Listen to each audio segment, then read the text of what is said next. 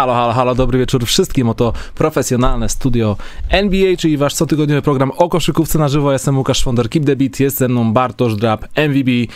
I wiecie co? Mamy mistrza NBA sezonu 2021-2022. To prawda. Fajnie czy nie I fajnie? Sezon jest gorący.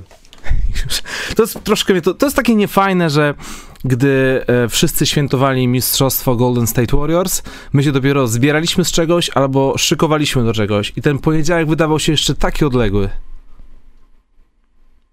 W ogóle mi się wydaje, że te mecze, dwa ostatnie, to były jakieś rok temu.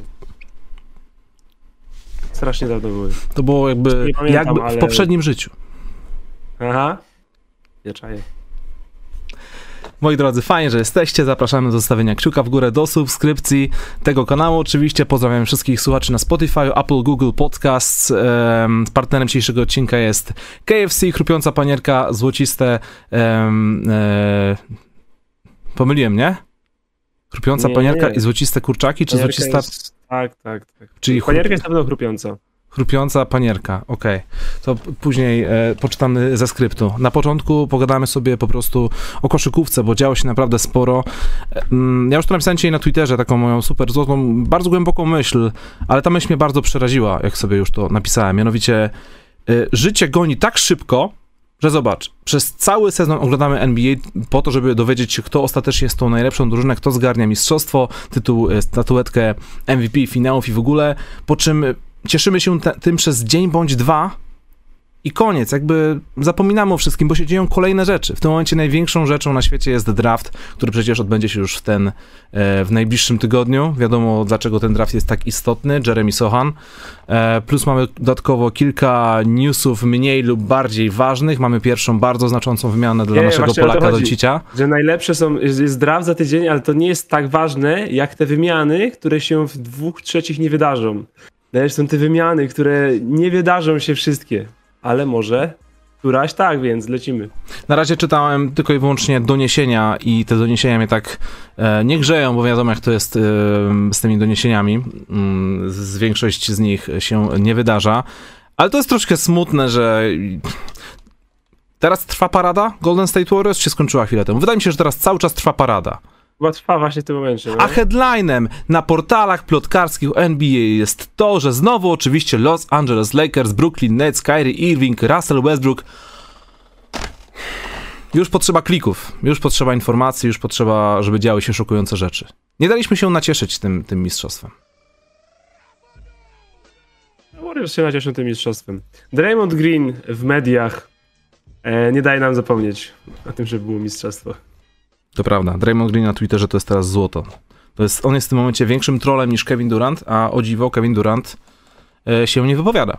I nie wiem, czy nabrał wody w usta, czy to jest oznaka dojrzałości, że Hej, A, no że, że, że hej, nie muszę się wypowiadać. To mnie nie dotyczy. Nie, to wszystko cię dotyczy, Kevin. Podobało ci się myślenie o top 10? Musisz pomachać. No Tak jak ja swojemu kawalerstwu. No, Nie Stefan. ma! Połowa, ostatnich, ty, połowa ty, ostatnich tytułów Golden State Warriors jakby co została zdobyta bez udziału Kevina Duranta, więc to już, to już brzmi fajnie. Patryk, Nie, no wszystko jest o Kevinie Durancie tak samo. y, y, Wszystko jest o Kevinie Durancie, ale nie, nie wierzę w to, że, że Kevin nabrał wody, że, że Kevin dojrzał i nie musi tego robić. On musi to robić. On robi to, tylko nie wprost, naokoło i niby o innych rzeczach, ale to jest, wiesz... Kevin tam jest. Kevin to czyta, wszyscy wiemy to, jest, przyznał. Kevin czyta wszystko i to wszystko ma na niego wpływ, więc nie wiem. a czy Kevin Durant złożył ci życzenia?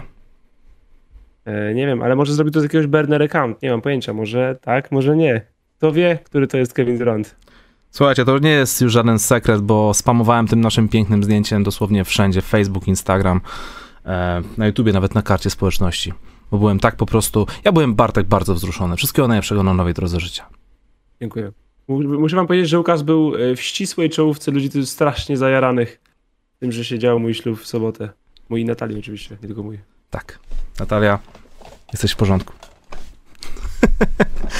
Dobrze, Bartek, najważniejszy temat na dziś to mistrzostwo Stephen jeszcze, Curry. Jeszcze, jeszcze, no, no, no, jeszcze no. muszę podziękować. Jeśli jesteś przy tym, przy tym temacie, to muszę wszystkim, którzy wysłali mi życzenia na priv, czy piszą je tutaj, czy pisali je pod postą Łukasza, bardzo dziękuję. Ale chciałem wyróżnić na Instagramie Al Pacino, gdy powiesz Bartkowi, że Boston ma dalej tyle samo mistrzostw co Lakersi. Podobało mi się i śmieszyło mnie. Kacper Michalik na Facebooku, Most Valuable Husband, też dobre. No i Bartek Wójcik, komentarz, który sam sobie zdobył popularność, czyli Bartek ma więcej pierścieni niż Patryk Ewing, gratulacje. Dziękuję bardzo, również śmieszne. To jest super społeczność profesjonalnego studia. Tak jest. Czy będziemy udawać, że jaramy się tymi doniesieniami? Czy powiemy parę słów o wymianie Christiana Uda i przejdziemy do finałów? Eee, zobaczymy, czy wynikną. Najpierw, najpierw wymiana, bo jest bardzo, bardzo, bardzo ciekawa. Najistotniejsza wymiana póki co, która się wydarzyła, to jest taka, że Dallas Mavericks w końcu zgarniają podkoszowego, jakim jest Christian Wood. Jeszcze w poprzednim sezonie grał w Houston Rockets. Z kolei Dallas do Houston wysyłają, uwaga, Sterlinga Browna, Treya Burka, Mark Markisa Chrisa, Bobana Marianowicza oraz 26 pik tegorocznego draftu. Więc generalnie Dallas Mavericks otrzymują bardzo dobrego wysokiego, którego w sumie potrzebowali, trąbimy o tym już od wielu, wielu miesięcy, a Houston Rockets otrzymują 26 pik draftu i troszkę takich uzupełniaczy, gości, którzy mieli swoje 5 sekund, gości, którzy nie są istotni w rotacji meczowej. Z całym szacunkiem, Boban. Dziwna jest to wymiana. Wydaje się być aż zbyt dobra dla Dallas. Cały myk polega o. na tym, że Christian jest w ostatnim roku kontraktu. Houston, tak. Houston chyba doskonale zdają sobie sprawę, że, e, że on nie chciałby zostać Houston. Więc lepiej zdobyć tak. cokolwiek. Czy wiesz, nie wiem, czy nie chciał zostać Houston. Jakby Houston powiedziała na koniec tego sezonu, hej, dajemy ci 100 lata za 100 milionów za 3 lata, 3-letnie przedłużenie. To co, nie zostały w Houston? No może i tak. A może, może Wood myśli, że jest lepszy na przykład i że chce grać w poważniejszej drużynie. No nie wiem, czy pytanie właśnie, czy Wood jest poważny, teraz będzie miał czas, teraz będzie miał okazję to udowodnić, ale dziwi się właśnie ze strony Houston, że nie byli w stanie zrobić nic więcej wyciągnąć, bo z całym szacunkiem dla tych zawodników dostali ten pik słaby z tego roku, nic. To reszta to są, to są, to są wypełniacze, tak zwani, no e, nie oszukujmy się, przegrywającej drużynie tacy zawodnicy są potrzebni jak 5 do oka na co ci Marquis Chris. Marquis Chris potrzebuje twojej szczególnej uwagi, potrzebuje grania z lepszymi zawodnikami wokół siebie, żeby móc spełniać jakąś tam rolę. A kiedy ty mm. masz młodych ludzi, wiesz, wysokich, niskich, których chcesz zdawać dużą rolę i nie masz czasu, ani w sumie nie, nie, nie potrzebujesz inwestować w to, żeby oni pomogli Marquisowi Chrisowi starać się być użytecznym. Mm -hmm. Dziwne, dziwi mnie, dziwi mnie że nie, nie byli w stanie zgarnąć lepszego piku, jakiegoś odległego piku, jakiegoś zastrzeżonego z jakimś tam ewentualnie rozmienieniem na dwa drugorundowe w przyszłości, bo ten 26 pik z tego roku, to, to, nie, no nie wydaje mi się, że to jakaś wielka wartość była. Wiadomo, że parę drużyn typu Lakersi by się pozabijali o taki pik, ale dla Houston, którzy mają przecież pik e, tak wysoki w tym drafcie, ten 26, no nie wiem, może po prostu uznali, że chcą być dalej fatalni i otworzyć wszystkie szanse. W sensie zabrać wszystkich ludzi, którzy mogą zabierać rzuty i grę e, swoim młodym młodym gwiazdom, a, a Dallas, no tak jak mówię, za wypełniaczy, czyli ludzi, których zastąpią minimalnymi kontraktami bez żadnego problemu i pik z tego roku, który tak pewnie by dla nich nie grał, bo przecież to jest drużyna na finał konferencji, mają wysokiego, którego potrzebowali. I de, dlatego, dlaczego tak się dziwiłem, że Dallas za to, to zrobili? Bo zobacz, co, zobaczmy, co się dzieje. Przyszły sezon, zaczynamy przysz, przyszły sezon i Dallas mają ten, zakładam, że prze, prze, za, za, to, mhm. to, jest założenie, że przedłużą Bransona e, jakimś wysokim kosztem prawdopodobnie, ale go przedłużają. Skład, który dotarł do finału konferencji, jest wzmocniony Tima Hardaway Juniora i Christiana Wooda. Na papierze no to super i ewentualne problemy zaczną się po następnym sezonie, kiedy Christianowicza będzie e, podarować e, jakąkolwiek ofertę. On tam może dostać 4 lata za 77 milionów, więc to też nie są małe pieniądze w salary. Ale generalnie trąbimy, trąbi się o tym w ogóle, że Dallas y, potrzebują cały czas od kilku lat wysokiego, który będzie grał bardzo dobrze pick and roll, pick and popy z Luką Donciciem. Kristaps miał być takim zawodnikiem. No niestety nie wyszło. A Christian Wood okazuje się, że to może być perfekcyjny fit, bo to nie jest gość, który tak jak Kristaps może walnąć popa i stanąć na trójce, bo z tego co widziałem, Wood trafia na blisko 40% z załuku, to poza tym jest, jest jednym z pięciu najlepiej rolujących podkoszowych w lidze w ubiegłym sezonie. To jest takie może troszkę szokujące i może takie fałszywe, patrząc na to, że wiesz, no, robisz statystyki grając w miernej drużynie, ale no talentu odmówić mu nie można, więc e, jeśli ten fit zadziała, to będzie naprawdę super. No i poza tym też druga sprawa, no Christian Wood jest dobrze, dobrym graczem takim wiesz, yy, nie wiem, czy izolacyjnym to dobre słowo, ale no umie sobie wykrować pozycję, jest szybki, potrafi się dostać pod kosz, nie jest zależny tylko i wyłącznie od gościa, który mu poda piłkę. Możesz dać mu piłkę i on zdobędzie punkty. Tak. Z tym gościem, po prostu. Kryty nawet, czy wiesz, może nawet, może czasem za, za bardzo lubi swój jumper, E, ale, ale raczej to nie jest jakiś podejrzany rzut. Tak jak mówisz, 39% zaczyna w tamtym sezonie z kariery, 38%. To nie jest tak, że to jest jeden sezon i zastanawia się, hmm, czy to nie jest jakiś taki, wiesz, jeden sezon, który będzie odstawał później, jak Draymonda Greena rekordowy 2.15-16. To raczej wydaje się, że, że ten rzut jest z nim, więc pick and popy w każdej chwili, co jest super, bo to jest to, co też ja mówiłem, że nie chcę zapychacza przestrzeni pod dziurą. Luka musi mieć, Luka, Dinwiddie i Branson muszą widzieć obręcz więc czasem rzeczywiście zroluje pewnie i czasem na, i, i, i, nam, i to, co nie było w Dallas, może na meczu weźmie mniejszego zawodnika i po prostu go wciśnie pod obręcz albo rzuci nad nim, e, ale w miażdżącej większości sytuacji może sobie po prostu skakiwać na pop i to jest realne zagrożenie, które trzeba kryć. Jeśli dajesz takiego partnera Lucy Donciciowi, który już być może jest najlepszym zawodnikiem w pick and rollu w, w NBA, niestety nie, kombinacja nie do powstrzymania. 40% strzelec za 3, stawiający dobre zasłony, takiemu geniuszowi, jaki, jaki jest Doncic, to jest, y, to, jest, y, to, jest, to jest rewelacja po prostu. To jest akcja nie do zatrzymania praktycznie. Można oczywiście teraz tutaj podnieść, y, podnieść argumenty, że hej, no Wood to jest kiepski obrońca. Bez zestawu od White'a Powella. Powell nie dawał dobrej obrony w tym sezonie. Po tej kontuzji Achillesa nie jest tym samym zawodnikiem, więc nawet jeśli tu się nic nie poprawi, a z przodu będzie dużo lepiej, no to hej, to jest drużyna, która ma w finale konferencji. Ona jasne, odstawała wyraźnie od Golden State i pewnie odstawałaby wyraźnie od Bostonu, nie jest tak, że to było prawie finał, to jest jeszcze nie ta półka, ale już bardzo wysoka półka. Mhm. Więc takie małe usprawnienia mogą naprawdę przynosić ich. Przeniesienie ich o, o, o serię wyżej to już jest finał NBA, w którym wszystko się może wydarzyć. Z tą obroną, tak jak mówisz, no Christian Wood nie był zbyt, zbyt wielkim e, asem tego elementu gry, no ale Jason Kidd pokazał w playoffach, że dobra obrona Dallas Mavericks polega na zespołowości i, i ciągłej pomocy, więc może nawet takiego gościa Christian Wood dałby radę e, ukryć. No też wiadomo, nie można mieć wszystkiego, ale Dallas naprawdę dość łatwym sposobem za niewiele zgarnęli świetnego gościa ofensywnego, maszynkę do double-double i mają naprawdę, no mają w tym momencie bardzo dobrego, wysokiego do gry z Luką Donciciem. I w sumie tak nie tak, zastanawiam też... się, czy nie jest lepsza opcja czy niż, niż ten Rudy Gobert, o którym tak trąbię od tygodni. E, wiesz, że ja nie byłem fanem tego ruchu. E, no i na pewno Rudy Gobert nie byłby blisko tej ceny, nie? W sensie musiałbyś oddać Do dobre kontrakty. Więcej. Musiałbyś tak. oddać dobre kontrakty, a naprawdę w tej wymianie Dallas nie oddało nic cennego. Nie, odda, nie, no, nie oddało żadnych minut w playoffach, powiedzmy tak. A, a o tym teraz rozmawiamy, nie? O tym, mhm. że o, chodzi o rotację playoffową. Myślimy o 8, jeśli Dallas jest w tym miejscu, gdzie jest, myślimy o 8-9 graczach, max. Oni są potrzebni, ci, ci gracze powiedzmy 9-15, którzy będą trochę grać w sezonie regularnym, czasem więcej, czasem mniej. Jak ktoś z nich się uda, to dobrze, jak nie, to po prostu trzeba przetrwać sezon regularny i to jest tyle. A do playoffów i tak wejdą. Mają rukę do daj mu daj mu cokolwiek, on do playoffów cię, cię, cię wepchnie.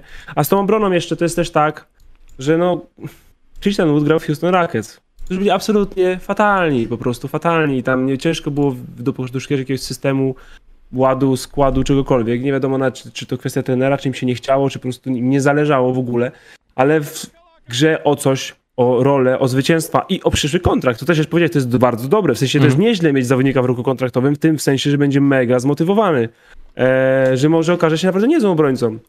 Wiecie, to się często zdarza przecież, że jest jakiś zawodnik w fatalnej organizacji typu Wizards, Rockets, Kings i idzie do dobrej drużyny i nagle mówimy, o, o patrz, Javal McGee, legenda Washington Wizards, nie? Stał się mistrzem e, w Golden State i w Lakers, nagle przykład profesjonalizmu. Phoenix Suns najlepszy rezerwowy center sezonu. Mhm. Ten sam zawodnik, ten sam gość, ten sam mindset, tylko po prostu gdzie jest pomysł na niego, gdzie sztab, którym pomaga, gdzie on walczy o coś.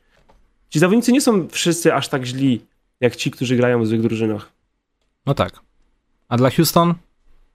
Na ten moment nie wygląda to super. Ewentualnie możemy do tego tematu wrócić, kiedy się okaże, że na przykład 26 pik będzie e, stylem na dłuższą metę. No ale no, Houston przegrali tę wymianę, nowe nie znałem. Czy wydaje mi się, że y, ta, ta wymiana w, w biurze Houston Rockets, co się musiało wydarzyć, to jest wygrywamy tę wymianę, jeśli zdobędziemy cokolwiek i uwalniamy minuty dla młodych. Bo to tak wygląda. W sensie chcemy się po prostu go pozbyć, żeby nie mieć dramy o kontrakcie, żeby nie mieć zabieranych minut, nie mieć zabieranych rzutów. I pozbycie się go jest dla nas zwycięstwem. zwycięstwem. I zgarnięcie do tego pik może słabe, ale jeśli takie było ich podejście, to troszkę nie by wygrali. Ale moim Jestem zdziwiony, że nie było, nie dało się wyciągnąć więcej. Pików, nie wiem, w zasięgu 10-15, czegoś w tym stylu, takich jak Oklahoma ma. Mhm. To jestem zdziwiony. Myślałem, że dałoby się zrobić więcej, że, bo, bo Christian Wooden tak mówi, że jest w lidze, która nie ma dobrych wysokich, jest już jednym z lepszych wysokich. Nie wiem, że jest jakimś, wiesz, ścisła ale top 5, top 10 jest gdzieś tam. Bo kto? Okej, okay, to przejdźmy dalej, y, bo trzeba pogadać o finałach. Jeff Green zostaje w Denver Nuggets. Woo! Talajc Antetokounmpo zostaje w Milwaukee. Woo! Ken Atkinson zostaje w Golden State Warriors. I troszkę o. to jest taka przypołowa akcja, bo on już wstępnie był podpisany z Charlotte e, Hornets na żeby dostać, żeby dostać tę rolę e, głównego trenera w Charlotte. Ale najwidoczniej, jak to czasami bywa, wielkie zwycięstwa, albo nawet inaczej, najwyższe zwycięstwa z najwyższej półki są bardzo łatwo w stanie zmienić czyjeś e, decyzje. No, I zostaje po prostu asystentem odchodzić, Golden State. Czemu odchodzić z, z, takiej organizacji? W sensie, czemu się było zgadzać wcześniej na tą rolę? To jest, to jest ważniejsze pytanie, bo nieładnie. Słabo, w sensie Charlotte stracili ile? Półtora tygodnia? Mhm. Procesu, który mogli prowadzić. Trzy dni przed draftem, nie mają trenera, myśleli, że go mają. Yy, to jest słaba sytuacja bardzo. No, to prawda. pewnie będzie musiał, teraz będzie parę nocy pewnie słabiej, słabiej spał i pewnie go w Charlotte wy. Decyzja zrozumiała, tylko szkoda, że tak, szkoda, że tak, e, szkoda, że tak późno podjęta. Ale no tak, tak naprawdę to czemu odchodzić z takiej organizacji? To pytanie jeszcze wróci do nas w ten off-season, nie? Przy przedłużenia, czy przy nowych kontraktach niezastrzeżonych agentów, takich jak Peyton czy, czy, czy Looney. Mhm. E, bo na pewno ktoś da im pieniądze, ale Warriors dają im Warriors i rolę. Więc zobaczymy, jak to wszystko będzie wyglądało. E, ale no, jeśli chodzi o karierę trenerską, no nie wiem, jaki to musiał być, jaka to jest różnica kontraktowa, bo asystenci nie zarabiają tak dużo, no nic porównywalnego z głównymi trenerami, ale no ale ja go rozumiem, jeśli woli trochę więcej spokoju, to spoko, chociaż no nie wiem, w sensie po to chyba się jest asystentem, żeby być głównym trenerem kiedyś. Mhm. Nie wiem. No ale rozumiem go. No wygrał wszystko, jest, jest, czuje się dawno dobrze, Kerry nigdzie nie idzie, trzon drużyny nigdzie nie idzie, więc czemu jeszcze nie, raz nie spróbować? Znaczy wiesz, no, ja, ja jestem w stanie go zrozumieć. Może nie każdy, nie każdy ma taką wewnętrzną potrzebę, żeby być e, w średniej firmie kimś najważniejszym. Że może warto być po prostu prawą ręką w najlepszej firmie. I to mu w zupełności wystarcza. To jest też takiego kwestia, kwestia mindsetu. No ale tak jak mówisz, yy, za późno, za późna decyzja zdecydowanie, bo tak się nie robi, zostawił Charlotte na lodzie. To co, teraz Mike D'Antoni? Nie, teraz poprosimy łapki w górę. E, bo jest nas bardzo ładnie, ponad 1100 osób. O, super, fajnie, że jesteście. A łapek tylko 430, więc lecimy myślę dzisiaj 1000 jakieś spokojnie. Damy radę, to będzie długie studio. Chyba. Mamy jakieś kodziki? Kodziki. Właśnie, mamy dzisiaj kodziki od KFC. Więc jakieś pytanie. Tysięczna łapka, jak ma dowód.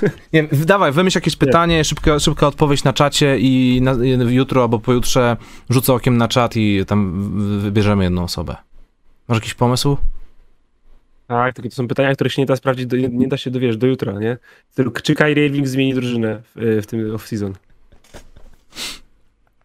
Um, tak, yy, najlepsze uzasadnienie, yy, tak, czy Kyrie, Kyrie Irving zmieni drużynę w tym off-season i do, z uzasadnieniem, czy tak, czy nie. Bartek, chcę. chcę o tym gadać maksymalnie przez minutę, bo wiem, że Dobra. to jest temat, który może nam zeżreć całe studio, a bardzo bym nie chciał. O co chodzi z Kyrie Irvingiem oraz terminem impasse? Jest impas w kontrakcie. Jest impas. Na Reddicie są przypominane e, statystyki, że Kyrie Irving jest kontuzjowany 30% swojej kariery. Od momentu przejścia do Brooklyn Nets nie zagra nawet 50% meczów. E, Kyrie na pewno myśli o sobie, że jest wciąż najlepszym zawodnikiem w lidze. A ja wtedy, kiedy trafiał nad Kerem przez te 6 sekund. Przejdźmy do klubu. E... Wymiana Kyrie Irving, Russell Westbrook jest wciąż gdzieś tam potencjalnie. Gdzieś, gdzieś. Tak? Czy to się ma, może wydarzyć, czy to jest tylko robienie teraz szumu, bo, bo jeszcze się lipiec nie zaczął i nie ma jeszcze wymian i podpisywania? Myślę, że się nie powinno wydarzyć nigdy. Nie, bo ja do, czytam te doniesienia i patrzę, że wszyscy o tym trąbią, że to jest po prostu num, temat numer jeden na najbardziej poważnych e, stronach o koszykówce i zastanawiam się, kurczę, serio? Czy to się naprawdę dzieje, skoro oni, oni, o, skoro oni o tym piszą? Ale ja się trochę cieszę, że to się dzieje. Nie w ten sposób, znaczy nie lubię tej dramy, mhm. e, ale cieszę się, że to się dzieje, bo to znaczy, że Brooklyn Nets poszli po trochę e, rozumu do głowy i nie zakładają w ciemno. Nie no, dajemy maksa, co się może stać. Mhm. Że chociaż ten proces myślowy e, zaszedł, e, zaszedł, zaszedł po prostu w, w, w tej, tej drużyny. E, chciałem też zadać pytanie, czy, czy, czy Kyrie Irving przyjedzie na zlot a ludzi wolnomyślących, który będzie się odbywał niedługo w Polsce? gdzie przemawiać będzie Edyta Górniak. No czekaj, wolno myślących w sensie free thinkers czy slow Tak, thinkers? tak, tak. Free thinkers, ludzi Okej. otwartych, którzy Mhm. wyłączyli telewizor już dawno. Okej, Rozmawiać o UFO, o, o energiach i Przestań. takich rzeczach. Bartek, nie. E, Nie, Dar- no, no, taki zlot się odbywa. Jestem ciekawy, czy Kali na przykład wie o tym i czy, czy, przy, czy przyleci na przykład helikopterem ubrany w y, pióropusz. Y, Napiszcie na czacie, czy jedziecie na zlot. Jeśli tak, to napiszcie mm, dlaczego i spośród osób, y, które napiszą, czy jadą, czy nie, y, wybierzemy odpowiedź i nagrodzimy kodzikiem 30 zł do y, wykorzystania w aplikacji KFC. Darwin Ham naprawdę I łudzi... I łapki w górę. Darwin Ham, czyli nowy trener Los Angeles Lakers, naprawdę łudzi się, że uczyni z Russella Westbrooka świetnego zawodnika do gry off-ballowej, który będzie stawiać zasłony, ścigał na, ścinał na backdory i będzie świetnym uzupełnieniem drużyny. Another Świetnie. year, another year, another coś tam. No, nie, ja, ja już nie, ja nie wierzę już, nie, nie wierzę już, że, Świetny pomysł. niektórzy, nie niektórzy się nie zmieniają. Czasem to dobrze, czasem to źle. Czy Lakersi mogą stracić jeszcze rok? LeBron to nie jest już może. koniec Lebrona. No to LeBron jest nie koniec Lebrona może. w takim razie. To jest koniec Lebrona w takim razie, bo jeśli nie mogą stracić roku, a Westbrook nie stanie się lockdown defender plus e, Janis zawodnik, czyli pół czasu stawiam zasłony, pół czasu gram na piłce, czasem się zaczaję w dunker spocie, bo lubię drużynę i nie mam ego pod sufit, no to, to z Lakers więcej będzie w przyszłym sezonie. To jest bardzo ciężki temat. Russell, ja, ja, zrobiliście wspaniałą transformację po prostu, wspaniałą. Ostatnie 8 lat, 9 lat wykonali Brooklyn Nets. Magnifik. E, Pozdrawiam Michała, który był przeogromnym fanem Brooklyn Nets za czasów e, Carisa Leverta, D'Angelo Russella, e, Ja- Jareta Allena, Spencera Dinwiddie. To był wtedy naprawdę bardzo fajny team. Można było takiej drużynie kibicować. Brawo Brooklyn za spartolenie tego. Przejdźmy do tematów e, bardzo ważnych. Em, byłem na meczu Marcin Gortat versus Wojsko Polskie. Więc teraz takie pytanie. Czy mam teraz o tym chwilę wam pogadać, czy najpierw pogadamy o finałach, a e, temat meczu zostawimy na off-topy na później? Nie wiem, czy teraz może śmiało jest 1230 osób. Miałeś okazję obejrzeć? Nie, Nie nie, było zdążyłem. Przesunęły się. Y, miałem to, w- mia, było to w moim grafiku na ten dzień, Mhm. ale burza przesunęła spacer sedla. To jest game changer, ja to całkowicie rozumiem. Dziś- Dzisiaj Scotty był cały czas wtulony mi w nogi też, siedząc przy kąpie, więc... O, Tak to no jest. właśnie. Miało być wszystko załatwione wcześniej, ale się nie dało, więc trzeba było pójść, kiedy się dało po prostu pójść. Serdelkiem. Marcin Gortat versus Wojsko Polskie. Wydarzenie się odbyło w Atlas Arenie i powiem wam tyle. To był mój drugi mecz, e, na jakim byłem. Pierwszy to był bodajże w Krakowie 6 albo 7 lat temu, ale to wtedy byłem, e, wiadomo, widzem siedzącym gdzieś tam hen wysoko, ledwo widzący, co się dzieje. Ale pamiętam, że chyba dwa Sławy wtedy grali i był fajny wjazd e, jeepem na, na, na parkiet. I wojskowi zlatywali z lian z, z, z, samej góry hali, więc to naprawdę robiło mega wrażenie a tym razem byłem jako komentujący i to było dla mnie coś kompletnie nowego, kompletnie świeżego. Był to mój debiut w roli e, komentatora meczu sportowego. Wiem, Bartek, że my oczywiście robimy też e, komentowanie meczów NBA na, na, na live'ach Ewinera, ale to jest jednak, wiesz, zupełnie jakby inna sprawa, bo my sobie siedzimy, gadamy na luzaku, a tutaj jednak, wiesz, trzeba się spiąć, nie? Bo to jest jakby relacja telewizyjna z wydawcą i w ogóle. E, Fajne jest to, że miałem swojego mentora, Kamil Hanas, pozdrawiam cię serdecznie. Kamil, jesteś w porządku. Kamil wziął na klatę prowadzenie tego wszystkiego. Ja byłem takim, taką drugą osobą, dopowiadaczem. O ile na początku jednak stresik dawał się we znaki, bo chciałem być profesjonalny, a nie za bardzo e, miałem przygotowane profesjonalne teksty. O tyle jak już się zaczął mecz, się zaczął e, flow tego wszystkiego, co się dzieje, to już tak, tak już tak się fajnie czułem. A mecz sam sobie naprawdę bardzo fajny. Nie wiem, czy, mi, czy mogliście zobaczyć. Jeśli nie, to e, polecam, bo można było zobaczyć w akcji naprawdę wiele, wielu różnych e, niesamowitych osobistości, nie tylko ze świata koszykówki. Był wiadomo Marcin Gortat, Adam Waczyński, e, Andrzej Pluta, ale byli, była też na przykład Ewa Chodakowska, Łukasz Lotek, Lotkowski, Rafał Pacześ, Blołek, Pago, no teraz wszystkich nie wymienię, Jan Błachowicz, E, ale fajnie było zobaczyć ich wszystkich na boisku i tak widać, że niektórzy chcieli grać na poważnie, niektórzy chcieli przyjść się pobawić, ale gdy już zaczęła się czwarta kwarta, to już wszyscy grali na poważnie. To już każdy chciał wygrać. Game. Każdy już chciał wygrać, nie było ten Marcin przez ostatnią, przez 6 minut ostatniej kwarty trzymał na boisku praktycznie najsilniejszy skład, żeby utrzymać się w ryzach. Ostatecznie e, Wojsko Polskie wygrało tam różnicą trzech punktów, ale no, były emocje, były bazerbitery, tam Adam Waczyński chyba wrzucił bazerbitera w trzeciej kwarcie. Naprawdę wspaniałe widowisko. E, jeśli nigdy mieliście okazję tego zobaczyć, być na takim meczu, e, to zawsze możecie sobie kupić nawet dostęp za marne 10 zł, co to jest w dzisiejszych czasach.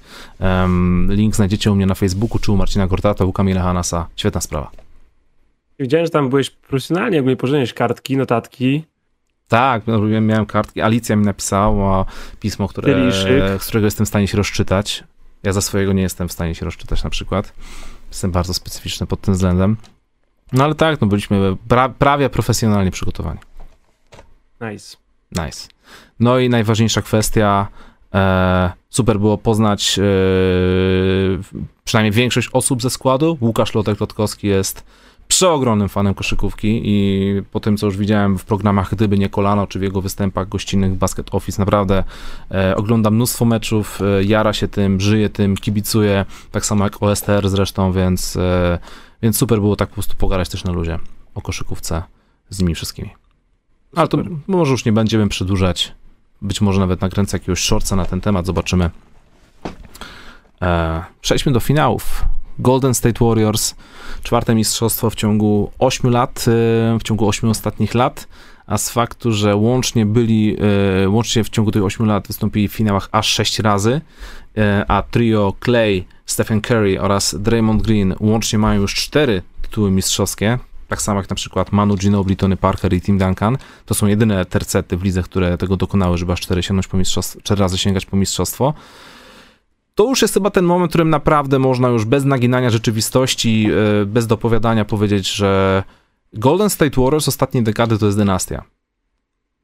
To jest tak? drużyna, która wygrywała, cały czas walczyła, miała dwa sezony, um, szor, może nie, że szorowania po dnie, ale miała, miała dwa sezony takiego walki, powrotu, e, które, które nie polegały na tym, że były całkowicie, że tam doszło do jakichś poważnych zmian, trzeba było, że, że wymienili kogoś tam. Nie, nie, nie zbudowali sobie e, skład oparty na młodości, ale cały ten trzon ekipy został.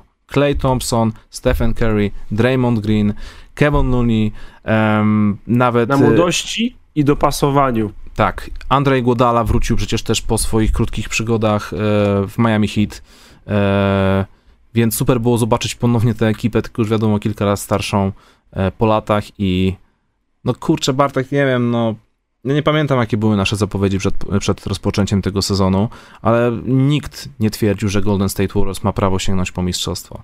Nawet jak Stephen Curry grał jak kosmita jeszcze do grudnia ubiegłego roku, nie sądziliśmy, że są w stanie to zrobić. Jak dostali się do playoffów, ja Golden State stawiałem na czwartym, może piątym miejscu w kolejce. Po czym doszedł wielki finał i niechętnie, w sensie subiektywnie, bo jestem, bardziej lubię Golden State niż Boston, ale niechętnie powiedziałem, że Golden State wygrają w siedmiu, bo naprawdę patrzyłem na to, co zrobili Boston Celtics w drugiej połowie, pokonując po drodze, wiesz, Brooklyn Nets z Kyrim i Kevinem Durantem, z Milwaukee Bucks z dwukrotnym MVP, sam Kumpo, pokonali Miami Heat, finalistów sprzed dwóch lat i też najlepszą drużynę wschodu. Mieli naprawdę szalenie trudną drogę do finałów i mimo wszystko to zrobili. Ja myślałem, że Boston Celtics to weźmie, ale chyba tak... Yy Chyba po prostu bardziej chciałem, żeby Warriors to wygrali. No i wygrali, dlatego się cieszę. Tak, ale to, to, to co powiedziałeś, droga Boston Celtics do, do finału, to jest jedna z rzeczy, którą trzeba było wziąć pod uwagę ten finał przewidując, ponieważ zmęczenie grało rolę. To widać było chociażby w, tych, w tej różnicy między pierwszymi a drugimi połowami Jasona Tatuma, który potrafił być killerem w pierwszej i drugiej kwarcie, trafić 5-6 rzutów za 3, e, wjeżdżać, zajść asysty, a po przerwie oddać 4 rzuty na przykład. Mhm. We 3 punkty, albo 0 i 5 strat.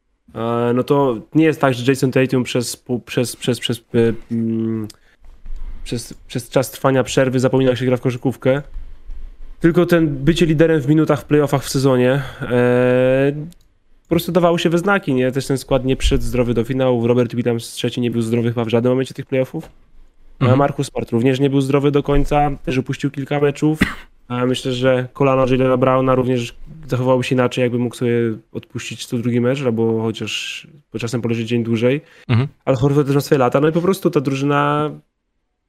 No nie wiem, wydaje mi się, że to było dość widać w tych y, trzech z rzędu przegranych meczach, że jasne, że wiadomo, że, e, że to też była część jakby takiego podejścia mentalnego, bo było widać na przykład, że jak Smart Horford walczył, a reszta nie na przykład. Takie podejście, że oni nie, oni nie dawali temu składowi się w ogóle położyć, ale wydaje mi się, że po prostu czasem brakowało tych sił, po prostu było tak, że tak jakby chcieli, to wiesz, brali timeout po to, żeby ograniczyć straty, wychodzić z timeoutu, zaliczać dwie straty z rzędu.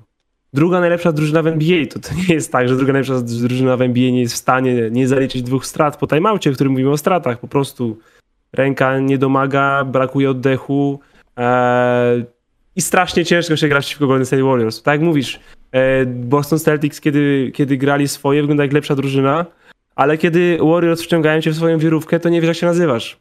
Jak musisz, yy, jako nie wiem, jesteś Markusem Smartem i biegasz 16 sekund akcji Golden State Warriors z Clayem Thompsonem o zasłonach, obijesz się trzy razy o kogoś, potykasz się, kontestujesz rzut, a potem nagle masz grać, wiesz, przeprowadzasz piłkę, już musisz grać pick and rolla, e, a gdzieś tam z tyłu w ogóle podmieniają się obrońcy, a tobie się już mieni w oczach, bo biegasz 40 minutę.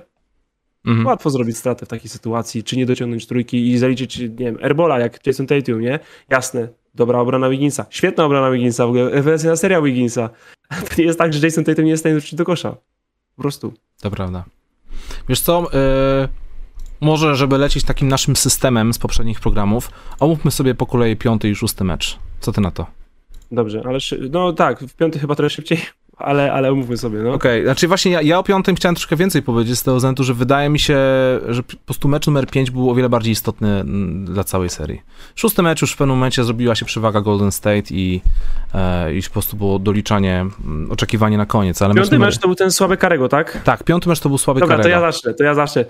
To jest dokładnie to, co mówiłem po meczu numer 4, jak była ta dyskusja. O, Kary musi być MVP, choćby nie wiem co. A ja mówiłem, no kurde, to raczej nie jest tak, że Kary zagra wszystkie mecze super, a, albo, albo a, wszystkie Brown Tatum fatalne. I dokładnie dzień później obudziłem się właśnie z tym, że już nikt nie pisał rano. Kary musi być MVP, choćby nie wiem co. Nie było już tego. Bo to, To się dokładnie dzieje. Seria trwa cała seria się liczy. Po trzech meczach się nie podejmuje takich decyzji, więc też nie lubię takiego podnoszenia właśnie tego tematu, bo kurczę, zaliczyłby fatalne mecze 5 i 6 i co? I, I bez sensu było to mówić tak naprawdę. Nawet jeśli drużyna by wygrała, bo w sumie jesteście dobrze, nie? Jeśli wszyscy grają dobrze, e, Harry zagrał słabo, wszystko dobrze. Warriors są mistrzami, ale po co, po co, były, te, po co, były, te, po co były te tweety Johnny, Johnny Hollingerze? Widzę cię. Budowa hypu. Tak, y, kontynuuj, przepraszam.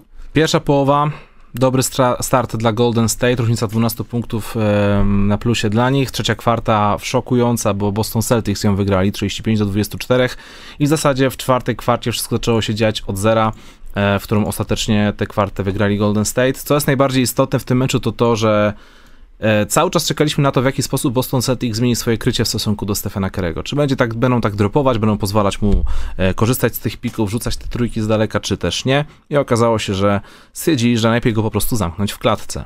Czyli wyłączamy Stefana, jednego obrońca, jednego obrońcę stawiamy przy nim non-stop, czyli mamy taką trochę koszykówkę 4 na 4 i łudzimy się, że reszta składu nie dojedzie. Tylko wiesz co, no, reszta składu dojechała. Clay Thompson, e, 21 punktów, 5 trójek, naprawdę przemiło było patrzeć, jak dziurawi ten kosz. Draymond Green 11 punktów, 7 zbiórek, 6 asyst. E, Było kilka takich momentów, że był naprawdę bardzo waleczny, rzucał się po bezpańskie piły, polował na linii podania, robił przechwyty. W drugiej kwarcie właśnie tak raz fajnie przechwycił na podaniu do Roberta Williamsa, co się skończyło faulem i e, rzutami wolnymi, które fajnie, że trafił, obydwa. E, W pierwszej kwarcie też mi się bardzo podobało, kiedy oszukał Roberta Williamsa, bo w poprzednich meczach cały czas naczekaliśmy, że Draymond Green jest za mało agresywny, że on przekracza linię połowy i szukał już tego podania, że jest, wiesz, fajnie, że jesteś supportem, to jest twoja rola, ale jesteś też koszykarzem, więc powinieneś umieć zdobyć w jakiś tam sposób punkty. I w pierwszej kwarcie już była taka jedna sytuacja, że złapał piłkę gdzieś tam na dalekim półdystansie, Robert Williams go kryje, on niby fake, sfejkował, że poda, po czym zobaczył, że jest autostrada pod kosz i po prostu wleciał jak dzik, dzik w sosnę i, i, i za- zapakował e, z całej siły. I mówię, kurczę Draymond, no tak, tak powinieneś grać za każdym razem, to nie bój się tego robić, nie? Masz ponad dwa metry. Więc super było na to patrzeć.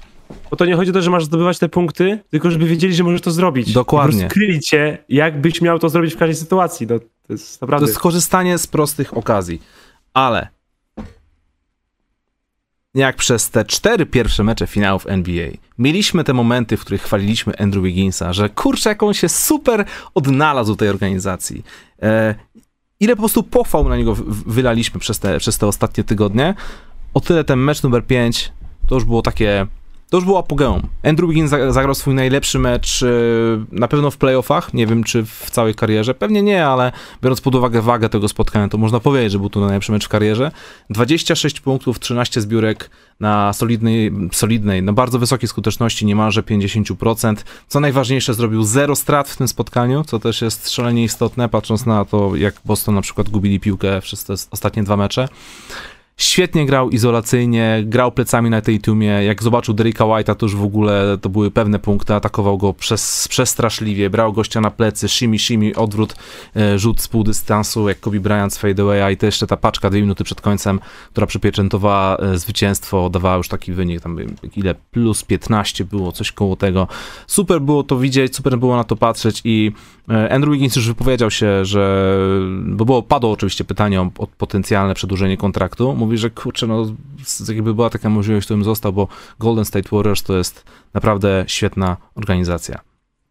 I powiem ci, że patrzę na Andrew Wigginsa, gościa, który jeszcze 2-3 lata temu był pośmiewiskiem, może, może nie, że pośmiewiskiem, ale jeśli jesteś nie, nie zdającym egzaminu, nie, nie, wypełniającym pewnych standardów e, pierwszym pickiem draftu, e, to po prostu cisną po tobie, nie? że jesteś soft, że sobie nie radzisz i w ogóle.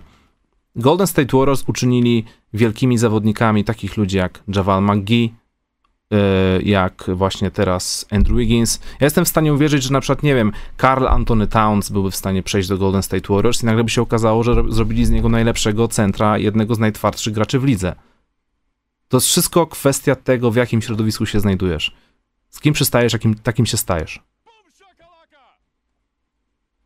Wiesz co, ja się bym e, nie do końca zgodził, że to jest tak, że ten skład dojechał Golden State Warriors, bo przecież to jest ten mecz, w którym Golden State Warriors trafili 9-43. Ale walczyli I... i w obronie? Tak, ale chodzi o to, że rzutowo to nie był dobry, łatwy mecz, bo to był ten mecz, który skończył, się skończył 104-94, mhm. ale tak naprawdę to był blowout z gry, tylko że rzuty nie wpadały. Z przebiegu gry mhm. dla mnie to był blowout. To było tak, że ja, ja oglądałem ten mecz jak Boston dochodził, to już trochę nie, ale wcześniej to było tak, że ten wynik się tak trzymał trochę z przodu. Ja czekałem, aż stanie ten moment, kiedy Golden State Warriors po prostu klikną i wynik po prostu odjedzie. Mhm. Bo oni grali dużo lepiej. To, są ta, to była taka sytuacja, jak były te pierwsze połowy meczów numer 1, 2 i 3, kiedy mieliśmy to samo czucie. Boże, jak Boston lepszą drużyną jest, jak lepiej gra, nie? W sensie mhm. ten wynik tego nie pokazywał, bo oni nie, też nie dawali rady tego odjechać, ale z gry wyglądało jak dużo lepsza drużyna jest na tym boisku, tylko po prostu wynik tego nie pokazuje. To to było w meczu 5 tylko odwrotnie. Golden State Warriors było czuć, że są dużo, dużo lepszą drużyną, że wiedzą co robią, grają swoje, tylko po prostu strasznie nie trafiają, no i ich lider ma kiepski dzień. Ale muszę tutaj pochwalić Stevena Karego. To jest, ja, ja wiem, ja strasznie bronię tych graczy, którzy zawalają, z bronię tej teamu na początku, teraz bronię mhm. Karego za mecz numer 5. Nie siedziało mu za trzy nic. Przerwał tą swoją serię. Straszne. Nienawidzę przerywania takich z takich serii, takich streaków, takich statystyk. Boże, jak ja kocham statystyki. Nie wiem, Ale ze 130 jak trzeba było jak trzeba było zdobywać jakieś punkty, to midrange miał cały czas. I tak do tych trójek mu wyskakiwali, bo właśnie o to chodzi Draymond, że jak wiedzą, że możesz to rzucić i że w każdym może odpalić, to po prostu tam do ciebie wybiegają. Wiem, że mi nie siedzi, nic mijam, floaterek, dogranie, jakiś bankshot, półdyszka i kiedy naprawdę trzeba było trzymać zespół w, w grze, to Stephen Curry wciąż był w stanie to robić, mimo że trafił 0,9 za 3. Wielkie brawa. Wielkie brawa dla Stephena Karego, który. I, bo, bo, to jest ogromne wyzwanie też mentalne, nie? W sensie, jestem dzisiaj do dupy, ale drużyna mnie potrzebuje. Muszę być mhm. na boisku, żeby Golden State Warriors mogli działać. Muszę być na boisku, ściągać obronę, grozić tym rzutem. Oni muszą czuć, że w każdej chwili mogę im wyrypać trzy trójki z rzędu i muszę grać z takim nastawieniem, mimo tego, że wiem, że jestem dzisiaj do dupy. Mhm. I grał tak do samego końca. Wielkie brawa dla Stefana Karego za ten mecz. Ale, prawdzi- no ale to jakby jest taki, taka troszkę historia e, pod powierzchnią, bo taka nad powierzchnią najbardziej widoczna, najważniejsza też pewnie, to jest Andrew Wiggins w tym meczu, który w ogóle wyglądał jak zawodnik, który miał się stać. W sensie, o, nie idzie, zawaliliśmy z rzędu w ataku, dajcie mi tą piłkę, ja wejdę w kogoś barem i walnę półdychę. I zrobię to 3 na 4 razy Jalen mm. Brown. I to zrobił po prostu. Andrew Wiggins wyglądał jak go-to guy w pierwszej połowie z tymi półdystansami. I miał też na to głowę właśnie, w sensie jestem zadaniowcem, haruję w obronie całą serię, ale dzisiaj potrzebują ode mnie więcej, ja spróbuję coś więcej wyciągnąć. I też w meczu, w którym 0 na 6 za 3 i widać, że ta trójka go nie kochała strasznie i ten obręcze go nie kochały strasznie i on też czuł to, tak mi się wydaje. Mimo tego chodzę, wbijam się w kogoś barem, wypracowuję sobie jakąś pozycję do rzutu i dostarczam, kiedy drużyna tego potrzebuje. Um, Jordan Poole, Gary Payton, świetne wejścia z ławki, obaj panowie 14 oraz 15 punktów. E, buzzer beater 10 metra na szybkiej rąsi w trzeciej kwarcie Jordana Pula to było po prostu coś pięknego. E, Gary Payton też jak się dostawał na trójkę, to korzystał z tych okazji i trafiał, walczył e, i su super to w ogóle wyglądało. No i to jest chyba też ten gwóźdź do trumny Boston Celtics. No, mamy tutaj dwóch rezerwowych, którzy um, wznieśli swoją grę, kiedy, kiedy tego ich drużyna potrzebowała. Po stronie Bostonu mieliśmy tylko 10 punktów z ławki, łącznie. Gdy dodajemy, dodajemy do tego jeszcze obronę Warriors, 9 przechwytów um, i to jak Boston Celtics zgubili piłę, 18 strat aż, no to gdyby nie to... Um, Właściwie Boston cofam by... nawet twoje, cofam twoje przedostatnie zdanie. 4 punkty z ławki, bo 6 to jest garbage time Luke Cornet i Aaron Nesmith. Luke Cornet trafił trójkę. Tak, chciałem to powiedzieć właśnie, że to, jest, to jest jeden z tych plusów dla Bostonu. Naprawdę zagrał, tak. trafił trójkę w ciągu tej jednej minuty na boisku. Ale kiedy mecz trwał, to ławka dała 4 punkty. 3 Williamsa, 1 Derricka White'a i ta ławka Bostonu Celtics to jest moim zdaniem historia meczów na 4, 5 i 6. I to jest dokładnie to, co Draymond Green, Steve Kerr i Clay albo Karol, już nie pamiętam, mówili na konferencji pomeczowej po pierwszym meczu. W sensie White i Horford nie wrzucą na 10 trójek w każdym meczu. Mhm. Ławka nie wygrywa serii finałowej, bo oni to wiedzą, bo tam byli, bo mieli najlepsze ławki i potrafili przegrać finał, w których powiedzieli 3-1. A... I dokładnie tak się stało. Ławka Bostonu w tych ostatnich meczach no nie istniała kompletnie. Ona po prostu nie istniała.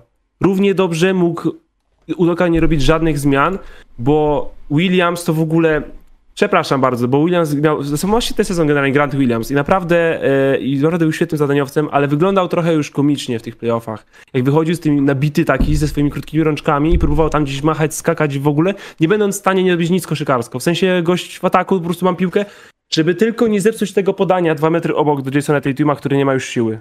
On wygląda na spalonego. Jezu, Jezu, Jezu, Jezu. Był wyglądany na spalonego strasznie przed Raymondzie Greenie. Nie wiem, czy to było to podejście fan idol, czy, czy po prostu jakaś tam niedyspozycja, ale no źle to ja wyglądało. Myślę, to straż to Draymonda po prostu zajął, zajął mi głowy po prostu. I Derek White to samo przecież w pierwszych meczach świetnie grał i zawodnik, który wie co robić, też nie, to nie jest jakiś młodzian, nie? On ma 28 lat chyba. Mhm. Też w ogóle wyglądał, kurczę, mam piłkę, Switch i nie wiem co, zrobię dwa kozły i zatrzymam się. O, Jalen Brown, może byś oddał 30 rzut. No i Jalen Brown, nawet jeśli mogę się doczepiać jego decyzji, decyzji yy, boiskowych, wydaje mi się, że po prostu, no Jezu, no dorzucę, no w sensie ktoś musi dorzucić, nie? Bo rzeczywiście te drużyny Bostonu w czwartej kwarcie, w tych, w tych meczach, dwóch ostatnich szczególnie, wyglądały jakby na boisku nie było nikogo, kto chce rzucać. Mhm. Jedyna osoba, która wyglądała naprawdę mega pewnie w tym, co robi i jak gra, to był Robert Williams, tylko on trochę przez 4 minuty musiał siadać. Tak jest. E, Jalen Brown 18 punktów, 9 zbiórek, tylko że na bardzo kiepskiej skuteczności. Markus Smart 20 punktów. O Markusie Smarcie bym chciał powiedzieć za chwilkę kilka niemiłych rzeczy, ale w końcu muszę powiedzieć coś dobrego, ponieważ Jason Tatum zagrał ten mecz wybitnie.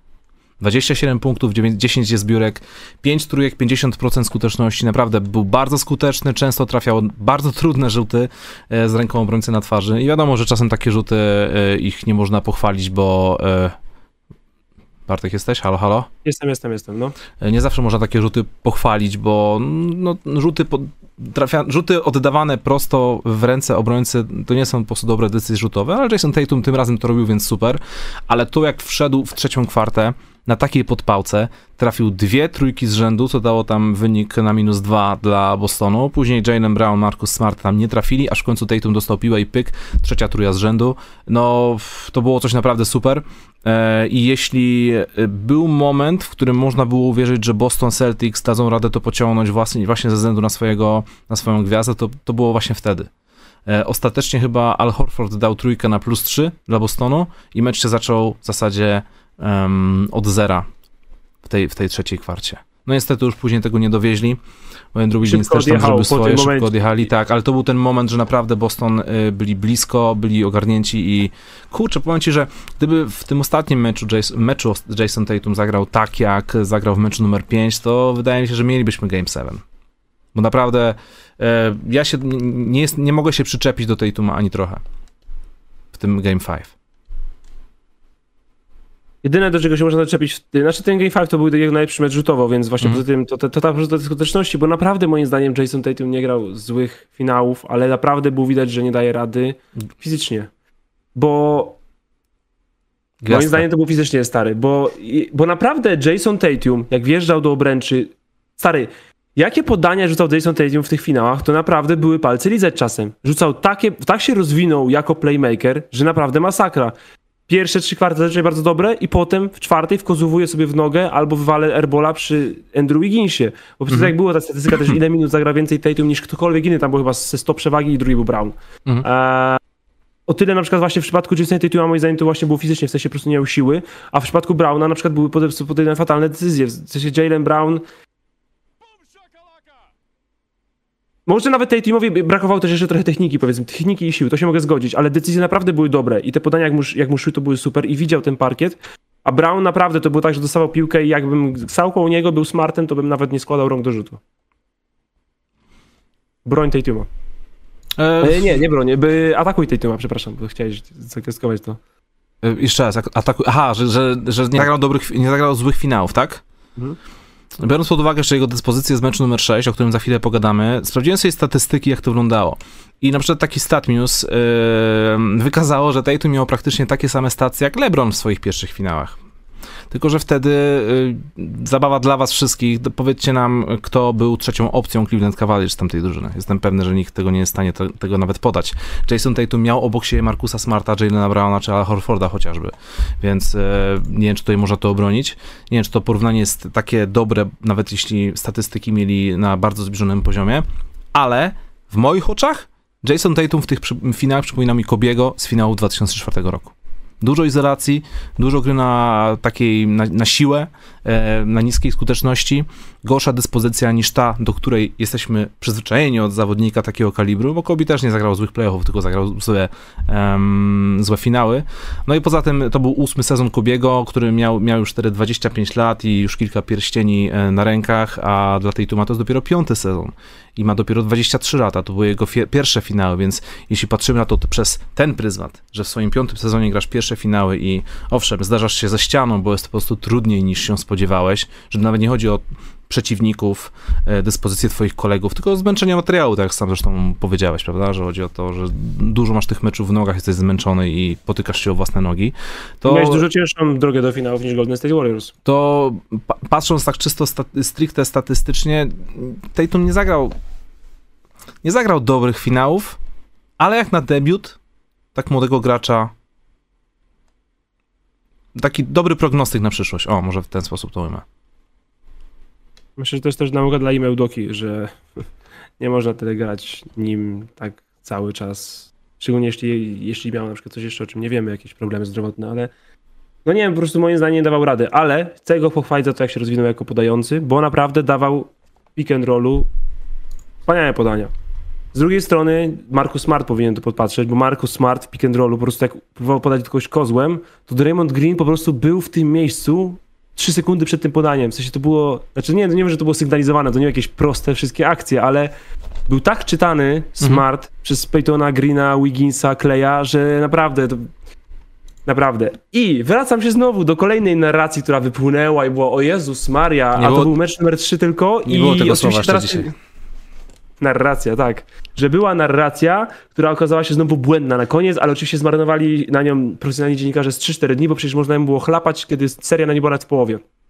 Mecz numer 2 się kończy, narracja w mediach. Może nie potrzebujemy super gwiazd duetów trio, tylko właśnie potrzeba nam super drużyny, ośmiu zawodników bez słabych punktów defensywnych, bo zobaczcie, Boston tak teraz gra i to wygląda na najlepszy sposób, żeby zdobyć mistrzostwo już do końca świata. I co się okazuje po kolejnych finałach, 60 z rzędu, musisz mieć cholerne gwiazdy na koniec.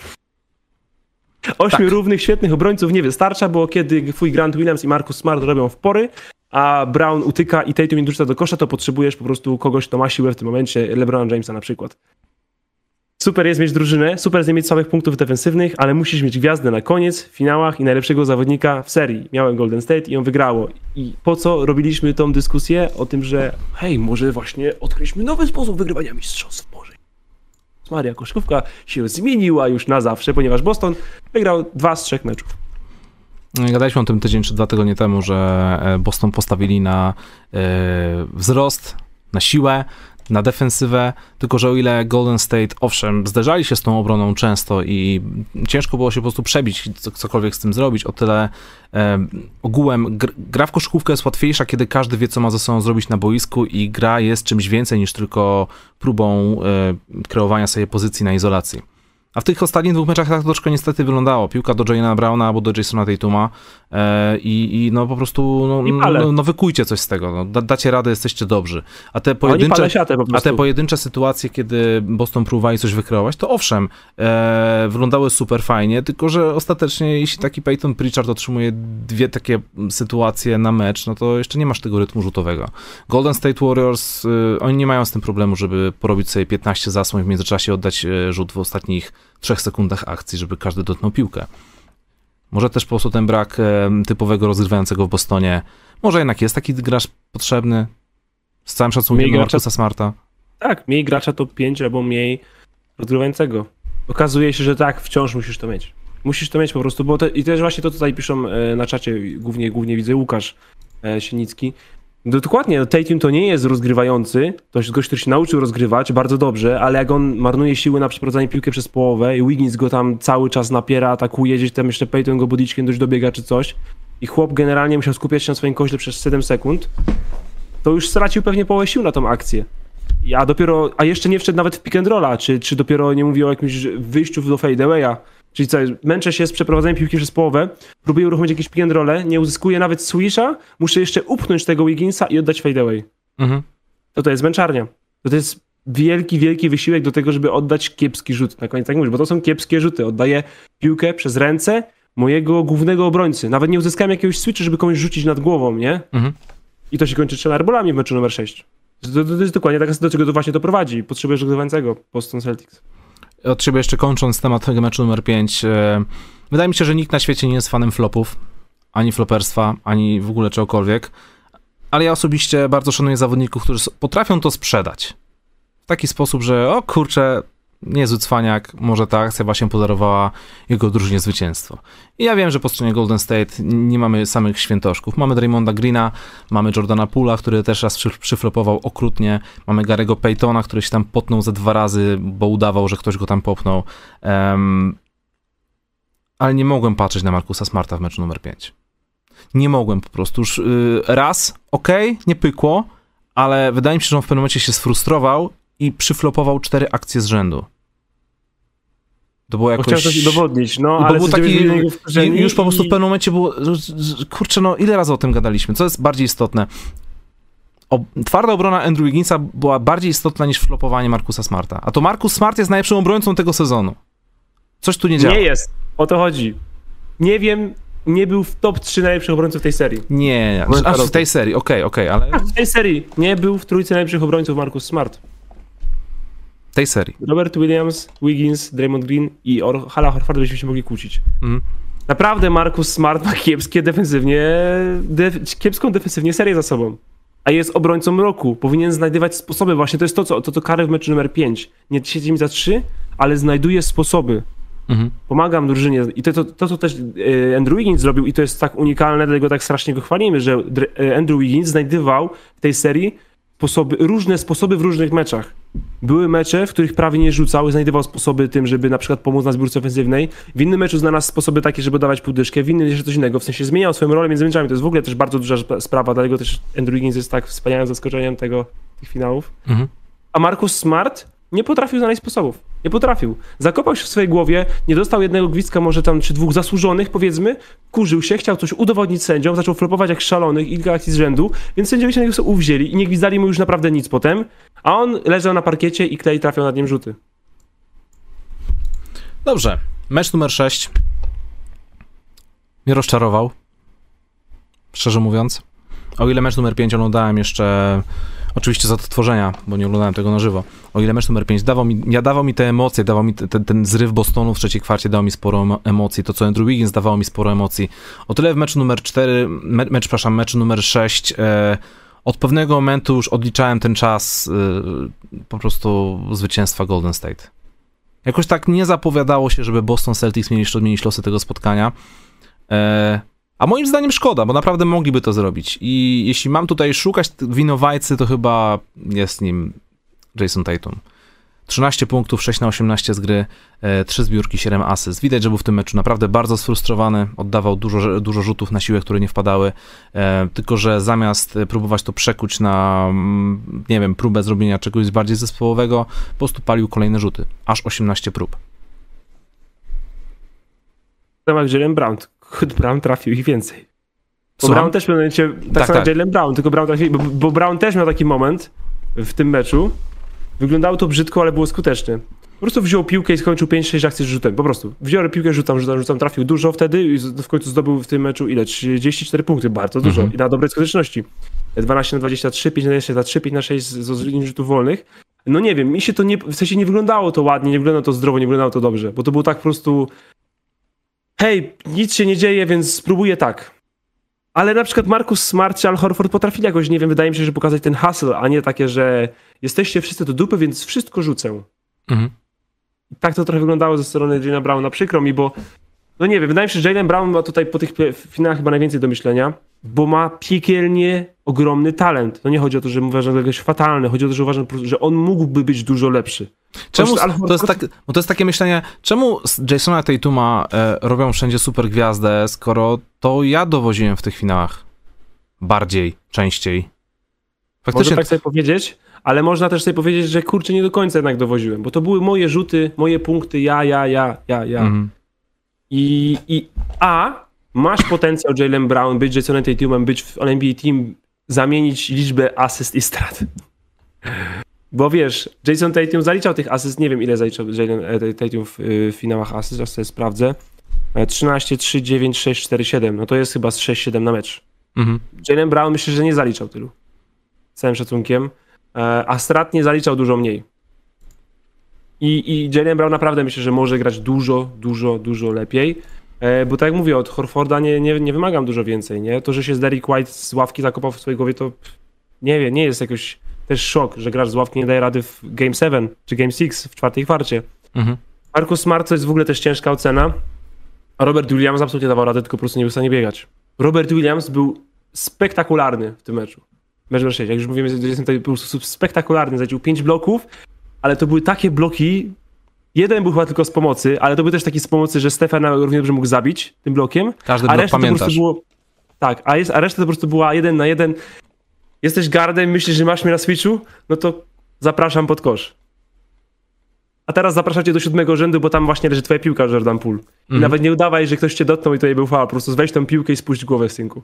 Tak wyglądały te bloki. To było Tak. super. Dokładnie tak. Krót, krótka, krótka historia tego meczu jest taka, że na Boston rozpoczęli naprawdę grubo. Chcieli wygrać to, chcieli doprowadzić do siódmego meczu. 14 do 2 na samym starcie dla Boston Celtics i wyglądało to super, no jednostronne spotkanie. Ale po tym Golden State Warriors zrobili run 35 do 8. W pewnym momencie zrobiło się 22-punktowe prowadzenie w trzeciej kwarcie i w ogóle to jest, to jest szalony stat. Pewnym momencie Golden State zdobyli 21 punktów z rzędu. Bez żadnej odpowiedzi Boston Celtics. To była całkowita dominacja. Boston zaczęli grać ponownie dopiero jakoś w trzeciej kwarcie, była taka fajna seria e, trójka za trójkę przez chyba pięć posiadań z rzędu. E, tutaj oczywiście chcę pochwalić przede wszystkim Ala Horforda, bo w trzeciej kwarcie to, co robił Al Horford, to było coś pięknego. Łącznie 19 punktów, 14 zbiórek, 75% skuteczności. Złapał rytm w tej trzeciej kwarcie, tam trafił trójki, dawał emocje, mecz był na hali Bostonu, więc e, wszystkie te zagrania e, z automatu po prostu wzbudzały ryk wszystkich, e, wszystkich osób na publiczności, a ta czapa na Jordanie Poolu na zakończeniu trzeciej kwarty, no hala wybuchła wtedy. No nie, nie jakby był ten gościu, co mierzył, e, mierzył wiwaty w programie od przedszkola do Opola, to by skalę wywaliło. I tym bardziej szkoda, że reszta nie poszła za tym, za, za tym, za tym, za tym, nie wiem przykładem, ale za tym, za tym, za tym impulsem. Bo przecież kurczę, Boston Celtics, mecz numer 6, grali u siebie, a to wyglądało, to wyglądało jak ten ostatni mecz Dallas z Golden State.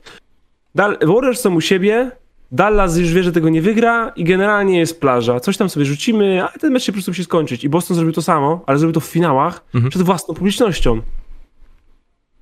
Dziwię się, że się nie potrafili poderwać przed własną publicznością. Pójść, skoczyć na parkiet i zgubić trzy zęby. Peyton Pritchard, Marcus Smart.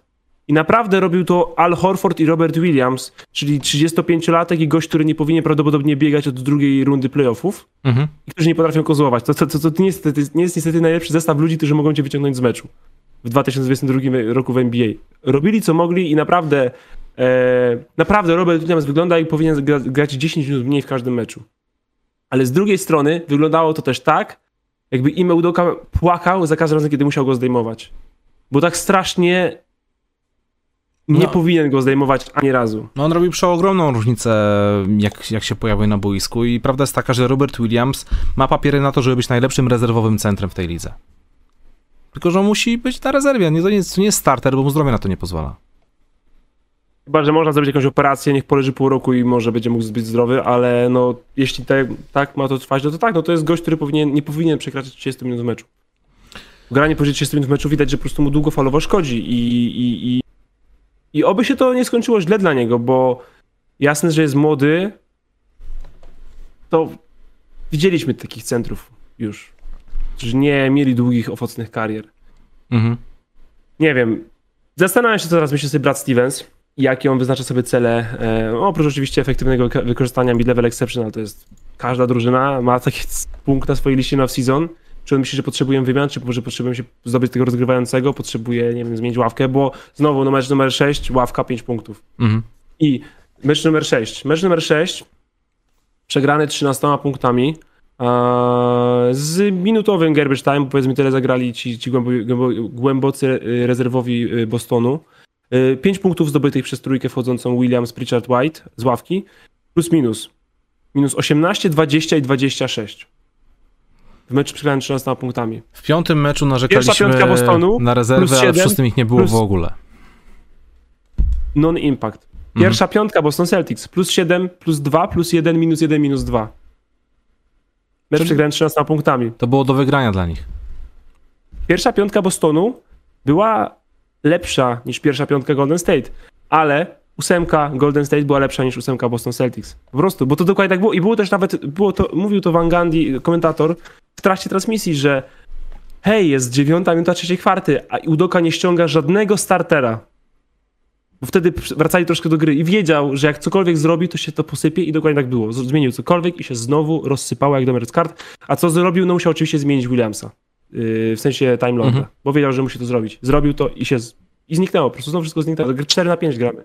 Derrick White nie jest w stanie patrzeć naraz na piłkę i na podłogę.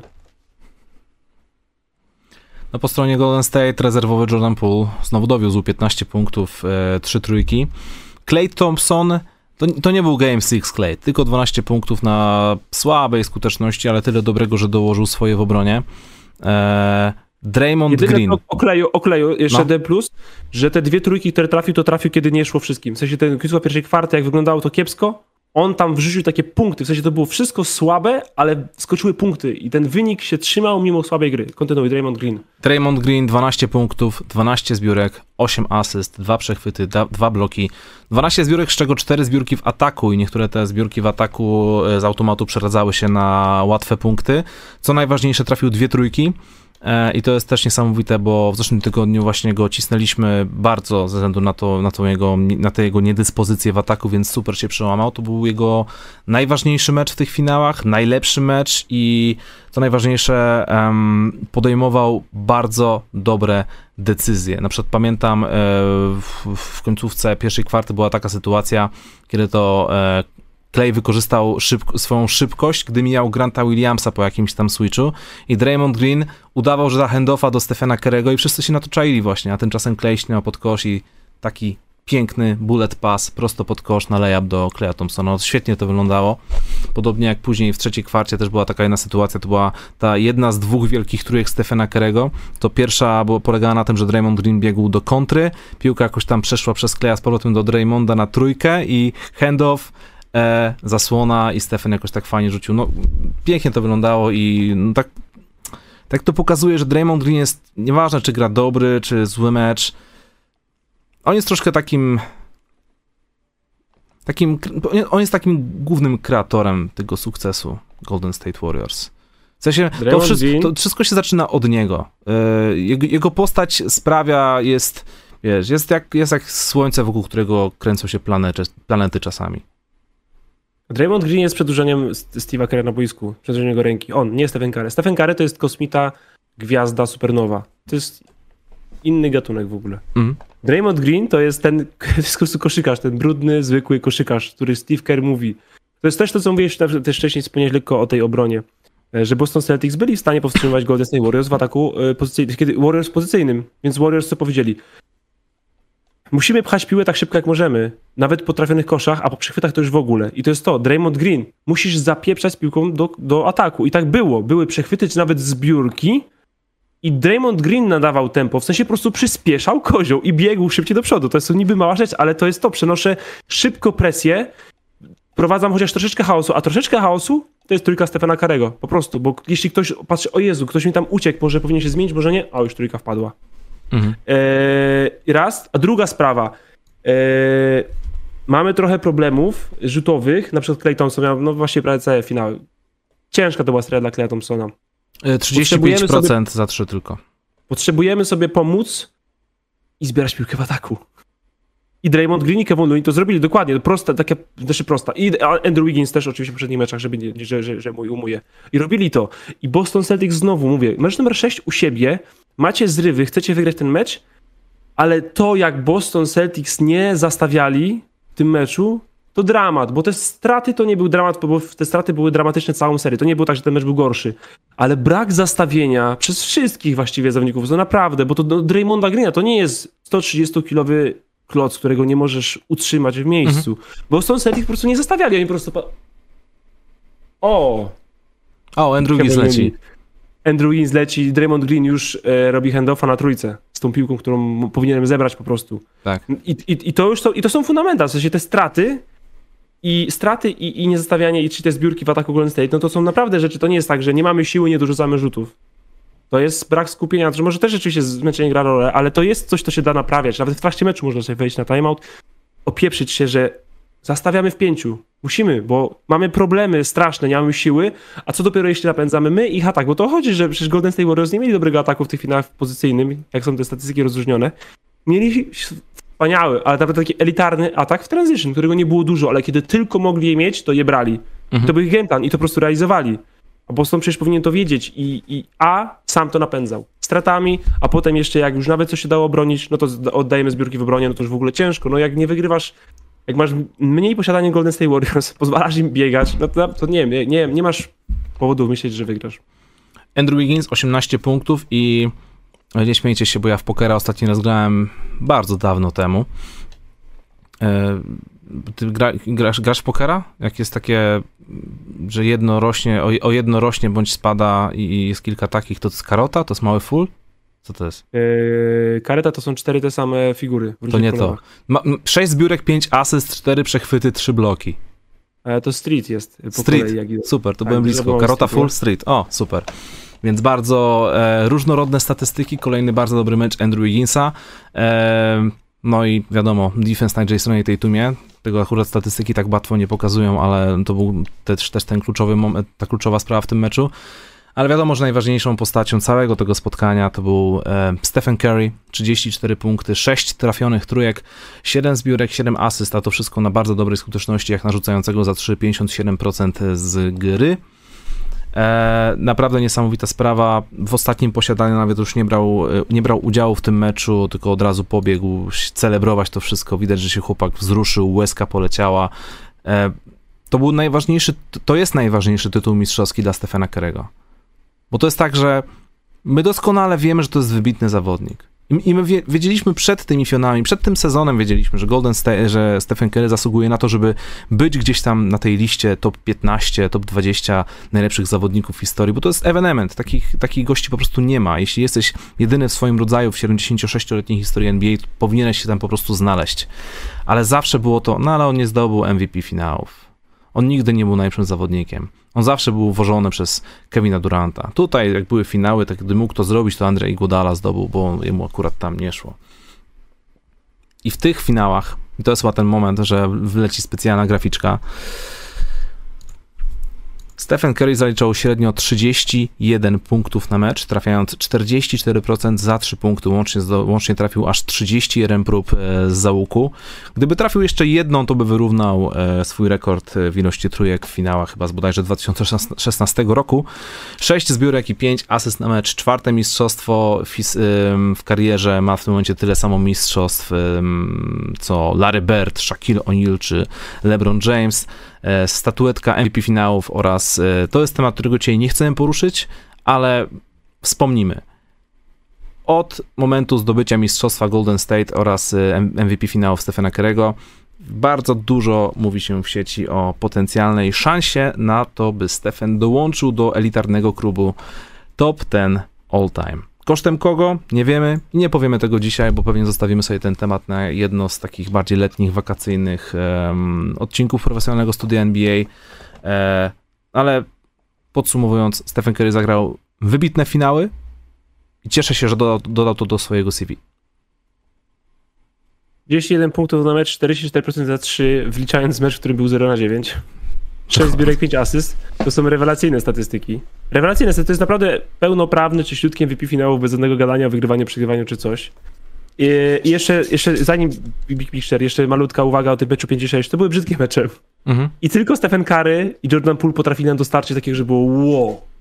Kary, dwie trójki z rzędu, ósme metry, takie rzeczy, czy Poole walący bazerbitery, bo tak to rzeczywiście był brudny, ciężki mecz, defensywny po prostu, jeden drugi. Eee, ale ale Kary miał to jako jedyny właściwie zawodnik także regularnie, bo Poole to miał po prostu momenty. Eee, I absolutnie, absolutnie zasłużone MVP finałów. Moim zdaniem powinno to być drugie. Pierwsze, ale ważne, że jest, bo zawsze brakowałoby tej rubryki. Jakkolwiek by nie mówić, że mu tego nie było potrzeba, to super, że to ma. I też właśnie było widać po tym, jak y, się rozpłakał po, tych, po, po, po końcowym gwizdku, jak nie ogarnia, co się dzieje. I Gudala przebiegł do niego z piłką. Super kar, że wpuściłeś Andrzej Gudala. Kocham cię. Szkoda, że nie mogłeś wpuścić Shona Livingstona jeszcze, naprawdę. E, to było piękne, tak że Andrzej Gudala wszedł na garbage time na minutę, w zasadzie tylko po to, żeby zhypować Andrew Wigginsa oraz e, Stefana Kerego. Żeby po tak, prostu tak, celebrować to, żeby, bo on tam też był od samego początku i Godala grał w Golden State od którego? 2013? Tak, tak, coś, Jakoś tak. Stylu, no. Wiesz, on pamięta te początki, on pamięta te momenty rodzenia się dopiero tego składu z młodziutkim Klejem, ze Stephenem Kerem, który był łamliwym chłopaczkiem walczącym o miejsce z Montuelisem. Pamięta Festusa i Zili. Tak. I Landro Barboza. Eee, I tak, i wracając do Karego, to, to widać, że to dla niego bardzo dużo znaczyło. I tak, to bardzo dużo znaczyło. Eee, odmawiam dyskusji o top 10 all time, bo mam jeszcze to nieprzemyślane. A za miesiąc będziesz mieć przemyślane? Nie wiem, bo pytanie, które sobie y, trzeba zadać, to nie jest tak, czy Stephen Curry jest top 10 all time. Dla mnie. Pytanie, które trzeba sobie zadać, ja sobie będę zadawał teraz przez najbliższe mhm. tygodnie. Czy Kobe, Shaq albo Duncan nie są to 10? Wiem, że jeden bo z nich 8... nie jest. Ja nie wiem. Ja nie wiem, czy jest. Bo, bo, bo, bo, bo nie mogę powiedzieć tak na pytanie o Karego. Nie, nie mówiąc tak na, na pytanie o któregoś z nich trzech, bo u mnie w moim rankingu 8, 9, 10 kolejność losowa to jest Kobe, Shaq i Duncan. Mhm. I kogoś muszę z nich wyrzucić, żeby wrzucić Stephena Karego do top 10, dlatego póki co odmawiam tej dyskusji. Dlatego... Nie wiem, jak to jest, ale jeśli mówimy o, o top 11, to wydaje mi się, że do tej dyskusji już jesteśmy już całkiem gotowi i chyba, chyba możemy ją tutaj naprawdę, naprawdę spoko poprowadzić. E, nie miałbym tutaj problemu. E, do, do, do, do, akceptowania takiego faktu. Top 10 póki co odmawiam. E, ale inna sprawa, abstrahując od legacji Stefana Karego, dynastia Golden State Warriors jest for real. To jest dynastia. 8 lat, 6 finałów, 4 tytuły. Mhm. Były takie e, drużyny, które Zdobyli tak, tak długo utrzymywały się na, e, drużyny, które utrzymywały się tak długo na samym szczycie, to chyba tylko byli Boston Celtics w latach 60. i Lakersi w latach 80. Zdobyli tytuł, kiedy byli za młodzi. Zdobyli tytuł, kiedy byli chyba najlepszą drużyną, którą widzieliśmy w tym wieku. I Chicago, oczywiście. Chicago jeszcze. I zdobyli tytuł post prime. Mhm. Wielkością poziomu swojego gry. Nie talentem już, nie gradem trójek, nie obroną z innej planety, po prostu byciem wielką drużyną, która była tam już i wie, co ma robić. Mhm. Więc to dla mnie dopełnia tego obrazu, to jest dynastia. Pod jednym trenerem, z jednym trzonem cały czas. Sorry, Kevin, nie jesteś trzonem Golden State Warriors. E, Więc point- tak, to jest dynastia po prostu. I to jest wielka sprawa, bo bez tego można by to zawsze podważać, że hej, wygraliście przypadkiem, a potem Kevin. mhm. Nie można nic takiego powiedzieć. To jest rewelacyjna drużyna. I też jest ten stat, śmignął na Twitterze dwa dni po szóstym meczu. Golden State Warriors nie przegrali y, serii, w której Draymond, Curry i Clay wyszli w pierwszej piątce. Procent zwycięstw y, w playoffach Steve'a Kera to jest ponad 90%. Przegrali dwie serie. Finałowe z Toronto i finałową z Cavs jedną. Nigdy tak to nie przegrali serii. Kiedy mają ten trzon i Kera. To jest dynastia. Co jest najbardziej imponujące w tegorocznym mistrzostwie, to to, że, tak jak powiedziałeś, e, to drużyna post-prime. Mamy tam Stefana Kerego, który cały czas gra na niesamowicie wysokim poziomie, chociaż ma też te gorsze momenty jak w meczu numer 5, ale Clay Thompson to nie jest ten sam Clay, którego pamiętamy z lat mistrzowskich, to nie jest Clay All-Star, to jest gość, który jak ma dzień, to jest w stanie dorzucić kilka trójek, ale jeśli nie trafia tych trójek, nie jest aż nie, nie ma aż takiego ogromnego wpływu, jak to jeszcze było te 4-5 lat temu. Draymond Green, no sorki, to dalej jest kreator, dalej y, wielki umysł koszykarski, wie co ma robić, wie, wie gdzie ma się znaleźć na tym boisku, ale to nie jest gość, który zrobi ci triple-double z 30 punktami, to nie jest gość, który rzuci ci 7 trójek w jednym meczu em, playoffowym, prawda? Więc wiesz, jakby tak na to spojrzeć e, na przestrzeni tych wszystkich drużyn mistrzowskich, tegoroczny skład Golden State Warriors jest chyba na papierze najsłabszą drużyną Golden State Warriors spośród wszystkich lat, których wygrywali te mistrzostwa. A mimo to udało im się to zrobić. I tak, no tak, no tak, oczywiście, że są. Najsłabsza to przecież drużyna 17-18 to talent to był kosmos. W sensie Mhm. to jest drużyna, która mniej więcej miała taki talent jak teraz. Powiedzmy, plus Kevina Duranta. Top dwa zawodnika wtedy. Eee, no a 2.15, no to, to powiedzmy, że się jeszcze rodziła, ale wtedy jeszcze Iguodala był powiedzmy na poziomie all-starowym, e, schodzącym. Andrew, Andrew Bogat top jeden pik, Mhm. który grał w tej drużynie, więc to nie jest też tak, że tam było tylko dzieciaki Green, Curry i Clay. To jeszcze, to jeszcze tak nie było, że to było wszystko ich. To zresztą właśnie też ta nagroda MVP finałów pokazuje, nie? że to nie było takie, takie oczywiste jeszcze, kim ci zawodnicy się staną. Eee, ale no jeśli chodzi o poziom tak no Clay ciężkie miał te finały. Ciężkie miał te finały, bardzo był nie w rytmie na początku, potem się to trochę poprawiło, ale też nie miał tak, że miewał cały mecze w rytmie. Miał le lepsze i gorsze momenty, miał dużo tych rzutów takich, że jakby to nie był Clay, to byśmy mówili trochę ostrzej o tym, ale wszyscy go kochamy. Mhm. Więc chcemy, żeby mu się to udało. Udało się na koniec, bo wygrali to mistrzostwo, ale to nie były super finały wykonania Clay Thompsona. Aczkolwiek jego pewność siebie i chęć do oddawania tych rzutów była ważna dla, dla, dla drużyny. Wiggins, on wręcz tak, że, że, że, że naprawdę czapki z głów. I Gary Payton i Kevin Looney. To są moi zawodnicy. Po prostu mój typ zawodnika, niezbędni, wspaniali. Zero punktów, 7 zbiórek. Nieważne, jesteś najlepszy Kevin Looney. E, Payton powrót w ogóle po złamanym łokciu. Jak, jak jest taki przypadek, że ktoś się kontuzuje w taki sposób, złamał łokieć, albo złamał kostkę, albo No. złamanie otwarte, to ja sobie myślę, no to już tyle, nie? W To, sensie, to, ja są, nie to są happy endy, stary. Gary Payton, e, Clay Thompson, dwie potężne kontuzje, prawie trzy lata przerwy od gry. No niesamowite to jest, stary. Tak, ale wiesz, ja myślę, że złamie łokieć, nie nagrałem podcastu przez pół roku. nie ma... A gość po, po miesiącu wrócił do finałów NBA i był w nich kluczową postacią. Tak. Najlepsi atleci na świecie, finały NBA, szczyt koszykówki. I kurczę, Gary Payton wchodzi z ławki i wygląda jakby nie miał z tego boiska zejść nigdy. I gra w y, crunch. Kto gra w crunch? Gary Payton. Obniżamy skład od, y, o, o Kevona Luneya y, i gra, nie gra pool zazwyczaj, tylko gra Gary Payton się okazuje, bo jak tylko coś trafia, oj, to chce go mieć na boisku Steve Kerr.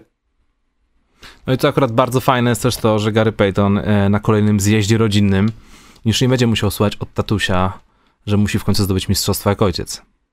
Mają jeden do jednego, nie? Gary Payton 2006 z powiem- Miami Teraz po prostu mu powie, że musi zdobyć o ręce roku.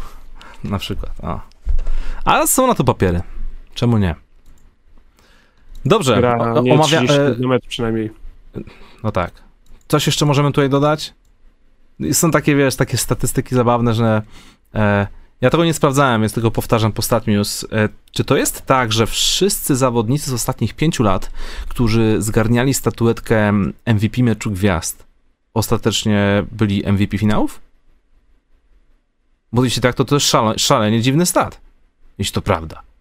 Nie, nie, nie, nie, nie, nie, nie, nie, nie, nie słyszałem tego i nie sprawdzałem na pewno, więc nie wiem. E, inny mi się stat bardzo podoba, że od 2015 do 2022 roku dla każdej z drużyn, które zrobiły mistrzostwo w tym czasie, grał Alfonso Makini i nie ma żadnego pierścienia. Purgaj. Purgaj. Alfonso Makini. Nie spodziewaliśmy się Alfonso Makiniego w tym studiu. No, raczej tak. Dobra. Trzy statuetki MVP w tym sezonie dla, dla, dla Stefana Kerego. Meczu gwiazd, konferencji zachodniej i teraz MVP finałów. To są też takie statystyki z gatunku, wiesz, zgarniasz trzy MVP w jednym, w jednym, w jednym roku. No ale zaczniemy to doceniać za 20 Jak lat. będziemy mieć 60 lat i będzie nowy dwóch historii nagrywało podcast, to będzie mówiło o tym, że to jest coś. Tak, Bo już, bo byliśmy... już mamy sześciu graczy, którzy coś takiego osiągnęli tylko i to są, wiesz, sami wielcy zawodnicy, z czego my nie znamy z nazwisk jeszcze trzech z nich, bo grają w y, gimnazjum. Czy o finałach coś jeszcze możemy powiedzieć teraz? Coś byś jeszcze No nie dodał? możemy, ale myślę, że już dużo powiedzieliśmy. Ja od siebie mogę dodać to, że zgodnie z obietnicą, e, zgodnie z tym, że prowadzę, uwaga, serię, jestem regularnym youtuberem, będzie odcinek z 23 ciekawostkami, tylko chyba nie będzie aż taki z pompą zrobiony, to nie będzie półgodzinny dokument jak e, rok temu o Janisie, ale postaram się go zrobić na tyle dobrze, żeby wam się podobał. E, W czwartek pewnie wleci, bo, bo tak, bo to wiadomo, troszkę to trwa. Eee, no i co? To jest ten moment z faktu, że Stephen Curry otrzymał nagrodę specjalną od, od KFC, a z faktu, że z faktu, to jest takie zabawne, bo od czasu, gdy rozdajemy te kubełki KFC, tak dotarło do mnie przed, tak- przed tym programem, że Stefan chyba dostał pięć takich plansz w ciągu ostatnich pięciu miesięcy, jeśli nie sześć. No ale w każdym razie partnerem odcinka jest KFC. Jeśli e, zgłodnieliście, poczuliście głód, to czeka na was e, złocista i chrupiąca panierka, soczyste i świeże kurczaki prosto z KFC. Wystarczy, że zainstalujecie sobie aplikację KFC na swoim telefonie, zarówno na Androidzie, jak i na iPhone, na iOS-a. E, macie tam opcję zarówno zamów i odbierz, jak i, jak i dowóz. Bardzo wygodna forma zamawiania, od razu wszystkie te kupony, zniżki tam macie na ekranie, się wam wyświetla. Czy tam macie ochotę na, na klasyczne kubełki, na curito, grandery, grandery czy halloumi z ekstra plasterkiem sera, fryteczki, cokolwiek, wszystko tam znajdziecie. Zachęcamy do sprawdzania, no i oczywiście jeśli ktoś z was jest takim szczęśliwcem, że zgarnie e, od nas ten kuponik na 30 zł zniżki do aplikacji, to również będzie mógł sobie to wykorzystać. E, Chickeno, ja e, dementuję. W sensie zawodnicy, którzy otrzymują nas kubełki, jedzą je, dostają je. się dzieje. Oczywiście, że tak.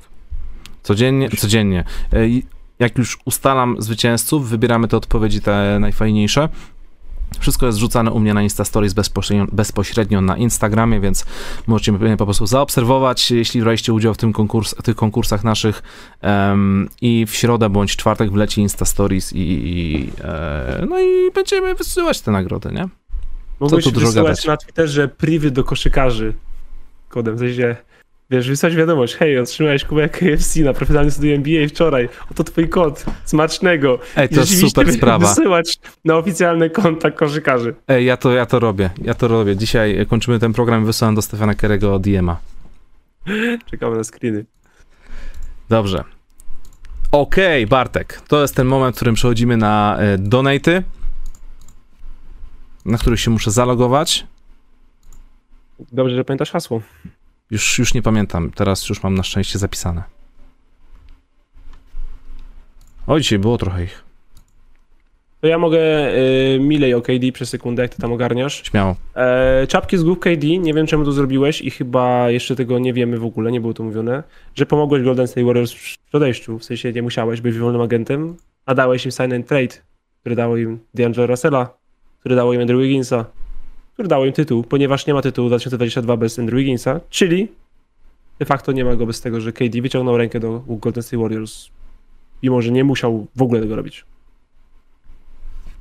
Pozytyw, powiedzmy. Nie masz, wyleciałeś z top 10 tak spektakularnie tym tyłem, że nawet nie jest mi szkoda twoich dziwnych kont. Brenio, pierwszy donate wleciał 19 czerw- czerwca o godzinie 11. Się jakoś budziliśmy chyba. Po latach wspólnej, wytężonej pracy nad sobą, walce z niejedną przeciwnością losu i drodze, nie zawsze usłanej różami, wystarczy na nich spojrzeć, żeby zobaczyć, że łączy ich coś specjalnego i wyjątkowego. Gratulacje Bartek, show us the ring.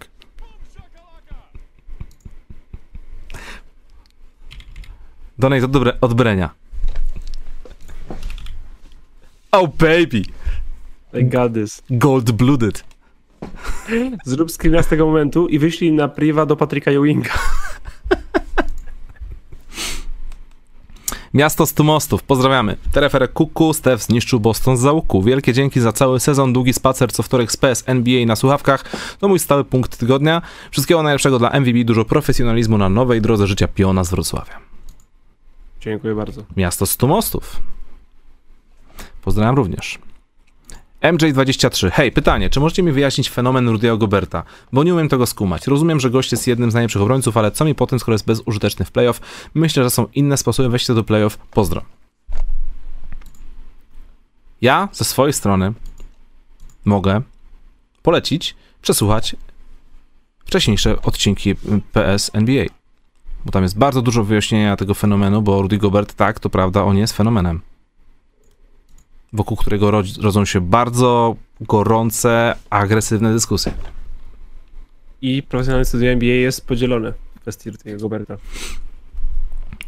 Eryk, pozdrawiamy. Czołem Bartku, gratulacje, dużo szczęścia. Jako mąż z dziesięcioletnim stażem mogę ci przekazać ważną poradę. Nigdy nie jedz na czczo. PS. Czy Golden State Warriors obronią tytuł za rok i dlaczego? Kto zasłużył, za, na, second, kto zasłużył na second MVP finałów po Kareem? Pozdrawiam. Eee, nie Wiggins? Nikt. Myślę, że mamy graczy 2-7. Okej. Okay. drużyn. Nie Czy... mam numeru 2 jednego wyraźnego. W różnych meczach różne osoby były ważne, ale Wiggins jest w tym gronie. Żeby nie było. Czy Golden State obronią tytuł za rok i dlaczego? Dużo się mówi właśnie w ciągu ostatnich kilku, kilku, dni, że ten hype jest ogr ogromny, bo e, ten skład działa i jest bardzo przyszłościowy z tymi wszystkimi młodymi w, w składzie.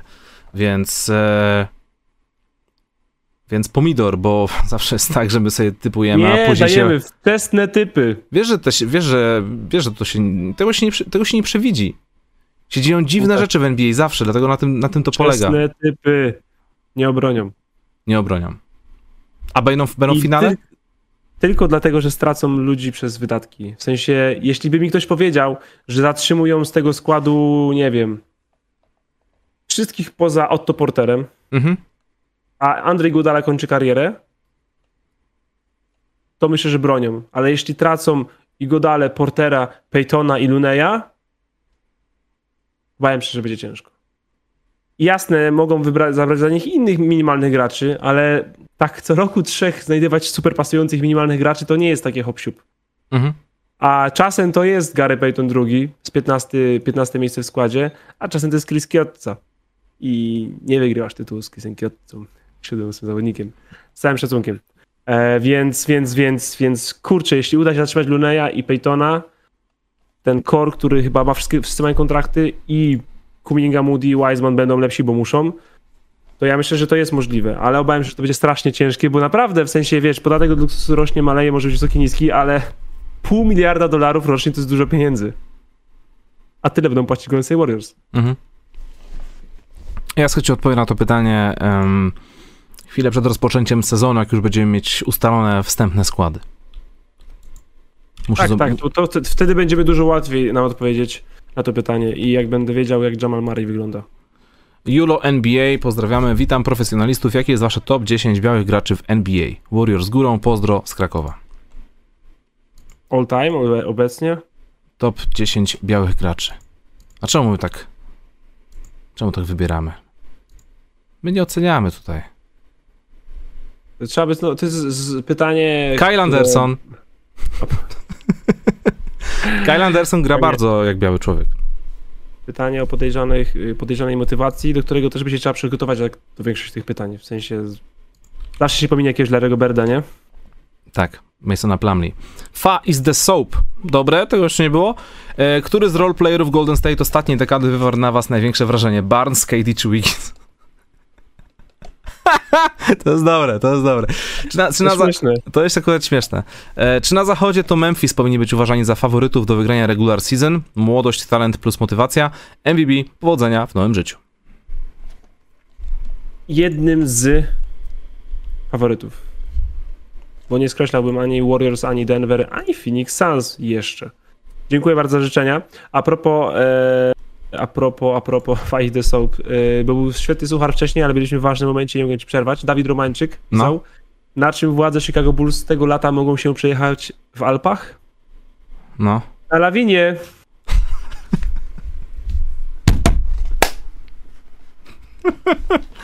Dobre, dobre, dobre, dobre. Właśnie z tym Zakiem Lawin, e, nie wiem, sądzisz, że to jest troszkę burza w szklance wody? On zostanie w Chicago. We'll see what time will tell. Nie mamy dużo ciekawszych historii, jeśli chodzi o gwiazdy w tym off-season. Lecimy dalej. Jordan is the GOAT. Pozdrawiamy. Cześć wszystkim. Cóż za szalony sezon. W listopadzie bałem się o kwalifikację Celtics do play-in. Tymczasem ich sezon Bostonu skończył ostatni mecz playoffów. Wygrali lepsi, ale jestem bardzo dumny z chłopaków w zielonym. Green Nation, głowa do góry, może być lepiej.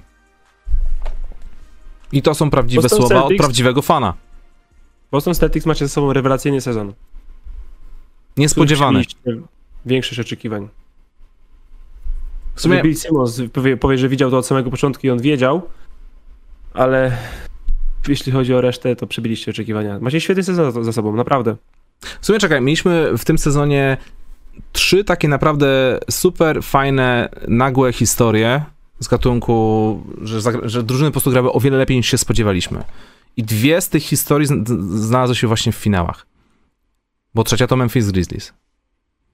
Mhm. Jakoś tak. Albo do, do, dotarcie Dallas do finału, chociaż e, chyba to nie jest plus dla Dallas, tylko to jest po prostu minus dla Phoenix Suns.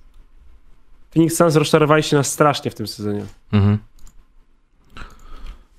No cóż, off-season zapowiada się na grubo. Będziemy robić te nasze programy i omawiać te wszystkie decyzje, co tam się podzieje.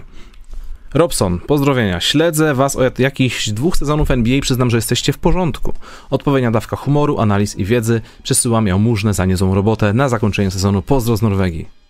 O! Kolega z Norwegii się podzielił pieniędzmi. Dziękujemy. Czyli to się dzieje. Trzeba się podzielić nadmiarowym bogactwem. Dokładnie. Dzięki wielkie, Tak jak Robson. pan powiedział. Dokładnie. Tata Kubusia, również pozdrawiamy tatę oraz Kubusia. Tradycyjne pozdro dla profesjonalistów, no i oczywiście zdrowia, szczęścia młodej parze, niech im gwiazdka pomyślności i w ogóle i w szczególe najlepszego. Rzucam kilka drobnych na tradycyjny wózek, szkoda tylko, że z panną młodą się nie zatańczy. Życzonka. Prawda? Nie można tańczyć już z panem młodą. A ja tańczyłem. A ja A tańczyłem. już nie można. Już nie można. Zobaczysz. Bydlak, kolejny donate. E, Witam profesjonalistów. Rozmyślamy z samicą właśnie nad tym, jakie top 10 chcielibyśmy w off-season usłyszeć i jest rozbrat. Ja chcę cieśniny, a ona jeziora. Musicie to jakoś rozwikłać. Oba też wchodzą w grę. Pozdro. Ten temat się chyba pojawił też na weselu w pewnym momencie, aczkolwiek mogę nie pamiętać albo źle kojarzyć, ale chyba mówiliśmy o top 10 depresji. Nie, bo myślę, że depresji. Ciężko będzie wyciągnąć chyba 10 aż tak ciekawych depresji, ale Mhm. cieśniny myślę, że będą elegancko, bo nie ma tak dużo cieśnin. E, znaczenie strategiczne jest naprawdę niebagatelne, bo z jezior jest tak dużo, że chyba trzeba będzie robić top 10 jezior po każdym kontynencie po kolei. Wiesz, że to będzie Jest- praktycznie twój solo kącik, nie? Top 10. Ja, e, spoko, ja się jaram na to strasznie. Top 10 cieśnin wam gwarantuję w to lato. Bo nie mogę powiedzieć, że jeziora też gwarantuję, bo zaraz przyjdzie Orinoco.pl i powie halo, halo. Ja Będzie mogę, miał rację. ja mogę- wcześniej. Wiem, co mogę przygotować. Jeśli będą oczywiście chętni na, na słuchanie czegoś takiego. Top e, nie 10, bo aż tyle chyba nie ma. Nie, no jest. Jest, jest. Ale załóżmy takie top 5 interwałów muzycznych. Okej? Posłuchałbyś Ja o interwałach daję. muzycznych? Słuchałbym, Łukasz. Dobrze, to bym ci opowiedział, jaka jest różnica między tercją a septymą na przykład.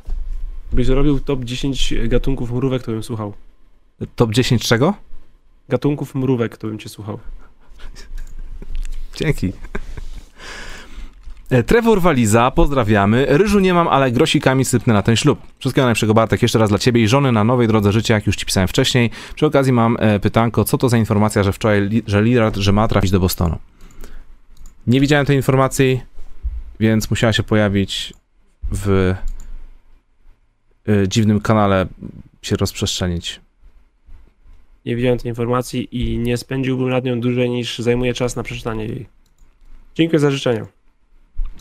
Ginter. Witam profesjonalistów, wszystkiego najlepszego MVB. Jako kibic Lakers dziękuję Steph oraz Andrew Wiggins za powstrzymanie mistrzostwa dla Bostonu. Jakie plany na off-season i czy można liczyć na top 10 cieśni, postaci z Gothic 2 i czemu Gorn jest top 1? Oj, nie jest, ale jest wysoko. Chociaż kurczę, jakbyśmy mieli wybrać najlepszego niebezimiennego. To byłoby, cię, to byłoby ciężkie. To było na pewno naprawdę Ale to będzie ciężkie. super. Ale bierzemy tylko i wyłącznie świat jedynki i dwójki, jakby co. Trój, trójki możemy też wziąć, ale... Nie, bo- Ale nikt tam nie zyskuje, nic nie trafia. W sensie trójka nic nie zmienia za bardzo, poza rzeczami wizualnymi. Tam nikt nie jest fajny, Nie nie fajny. no, bo- Xardas, Xardas traci, Gorn jakiś taki nijaki się staje. Wszyscy są nijacy z tego jakby grupki znajomych. Milton, Gorn, Diego, Lares. To nic. No dobra, to jedynka, dwójka, no możemy tak zrobić. Ale to ciężko będzie wybrać. To jest pomysł. Pierwszoroczniak. Siemanko, mam do was jedno pytanie oraz stwierdzenie. Czy Boston z tak grającym Tatumem jak w finałach pokonałby Nets w pierwszej rundzie? Tak? Andrew Wiggins, najważniejszy zawodnik finałów, Stephen Curry, najlepszy zawodnik finałów. Nie zgadza się.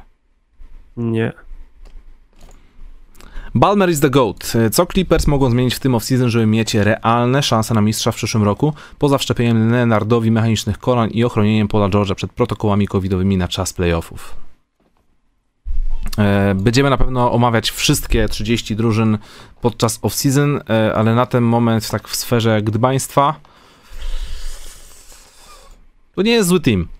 To nie jest zły team. Niech obaj panowie wrócą do gry e, i, i nawet jeśli tam wiadomo, kilku zawodników zmieni pewnie swoje miejsce gry w najbliższych miesiącach, ale ze zdrowym Lenardem, zdrowym, zdrowym Polem George'em, e, sky is the limit.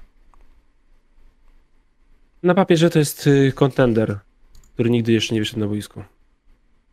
Kor, e, Zubac, Powell, Morris, Mann, Leonard, Kennard, Jackson, George, Covington, Batum. Wymienię 10 osób. To nawet jeszcze mógłbym z dwóch uciąć. To jest rewelacyjna drużyna, której jeszcze nigdy nie widzieliśmy na boisku. Marek, dziękuję panowie za kolejny sezon. Robicie kapitalną robotę. Dziękuję również. E, Pytanie, jak bardzo niedocenianym obrońcą jest Curry. To jak brał na ciało Horforda było nie mniej piękne od trójek. Życzę wam wszystkiego dobrego, szczególnie Bartkowi na nowej drodze życia. Ale to jest niezły obrońca. Two-way player. Gadaliśmy o tym tydzień albo dwa tygodnie temu właśnie, między innymi właśnie o tej sytuacji, e, gdzie krył pod koszem Ala Horforda. On, jak, Tak, on, ja on to- potrafi naprawdę, on jest 100 razy lepszym graczem w obronie niż, niż jeszcze to było te kilka lat temu. Super, że e, nabiera tej masy mięśniowej i coraz bardziej e, trenuje ten aspekt gry. bardzo mu zależy po prostu. To jest świetne, bo gość chce być cały czas coraz lepszy i to jest imponujące. I tak, Stephen Curry to jest two gracz po prostu. To Clay Thompson był bardziej podejrzany w obronie w, w tych finałach. Niestety, ale no No tak. po tym, co się stało z jego nogami, to nie jest nic szokującego. E, Łukasz, czy będzie film o drafcie, tak jak w zeszłym roku? Pyta Verstappeniarz. e, planuję, ale z faktu, że w, w czwartek wlecą ciekawostki z finałami, w poniedziałek wrzucamy studio offline, to wydaje mi się, że draft też się pojawi no, z opóźnieniem trochę. Zobaczymy. Ale będzie Ale na będą pewno. ciekawostki o finałach, więc jest dobrze. Będą ciekawostki w finałach. WR Wilk, pozdrawiamy. Witam, graty Golden State, Bartkowi szczęścia i za rok please live ze zmiany pierwszego Pampersa. Pozdro z deszczowego z nadmorza. Dobrze, że chociaż jesteście wy, smażone szproty i wujitsu. Ha! Smażone szproty próbowałem w zeszłym roku po raz pierwszy w życiu i to są sztosy, stary. Myślałem, co to, ma, co to w ogóle jest, jakieś takie ryby, że frytki, że w panierce, a dorwałem się do tego i pycha. Nie Pole- dowiem się. Polecam. Nie dowiem się. Nigdy. Tego najprawdopodobniej. Okej. Prasą. Kto w przyszłym sezonie może zagrozić Golden State na zachodzie? Zakładamy, że grają podobnie. Curry the best, Pool i Clay w kratkę, Green słabo w ataku, Denver, zdrowi Clippers lub Lakers. Na Phoenix już w ogóle nie patrzę. Ktoś inny? Dallas, Denver, Clippers. Szybki, wczesny typ. Okej. Maćko, hashtag 61. Szkoda Bostonu, strasznie im kibicowałem, ale czy Golden State wygrali zasłużenie? Zasłużenie, proszę pana, zasłużenie. Tak jest. Ant ma to coś. Kapela obok kata? Jak to widzicie? Oj, Zachód będzie okropnie mocny w przyszłym sezonie. Bartek, kiedy zmajstrujesz następnego Polaka do draftu? Najlepszego na nowej drodze życia. E, sekundka, bo troszkę jestem do tyłu z y, donatami. Podpisywałem trochę na czacie. Spoko. E, co było teraz? No, i pytanie jak jest. E, czy kapela obok kata? Jak to widzicie? O, słyszałem, widziałem to dzisiaj na Twitterze, no. Kapela obok kata. E... Nie spodziewałem się, że znajdzie się drużyna kolejna, która chce się, będzie się chciała wyrypać w płacenie 15-20 milionów w kolana na kapeli, ale jeśli ma się ktoś taki znaleźć, to Minnesota jest świetnym kandydatem do tego, no. Kiedy zmajstrujesz następnego Polaka do draftu, Bartek? To jest pytanie, które już nie powinien zadawać. Dziękuję za życzenia. Lampę is the lamp. Czy masz w planie materiał dra- Drażenie Petrowiczu? Tragiczna i ciekawa historia. Pozdro. Jest taka szansa, ale na ten moment, e, na ten moment zdecydowanie nie, bo no, jest kilka innych materiałów po prostu w produkcji. E, No ale historia wiadomo, tragiczna i ważna, więc, więc kiedyś na pewno się pojawi. E, Citizen 7. Jako fan Golden State muszę e, powiedzieć. Szacunek Minnesota. Mieliście dwa piki pomiędzy... no, to, jest taki donate.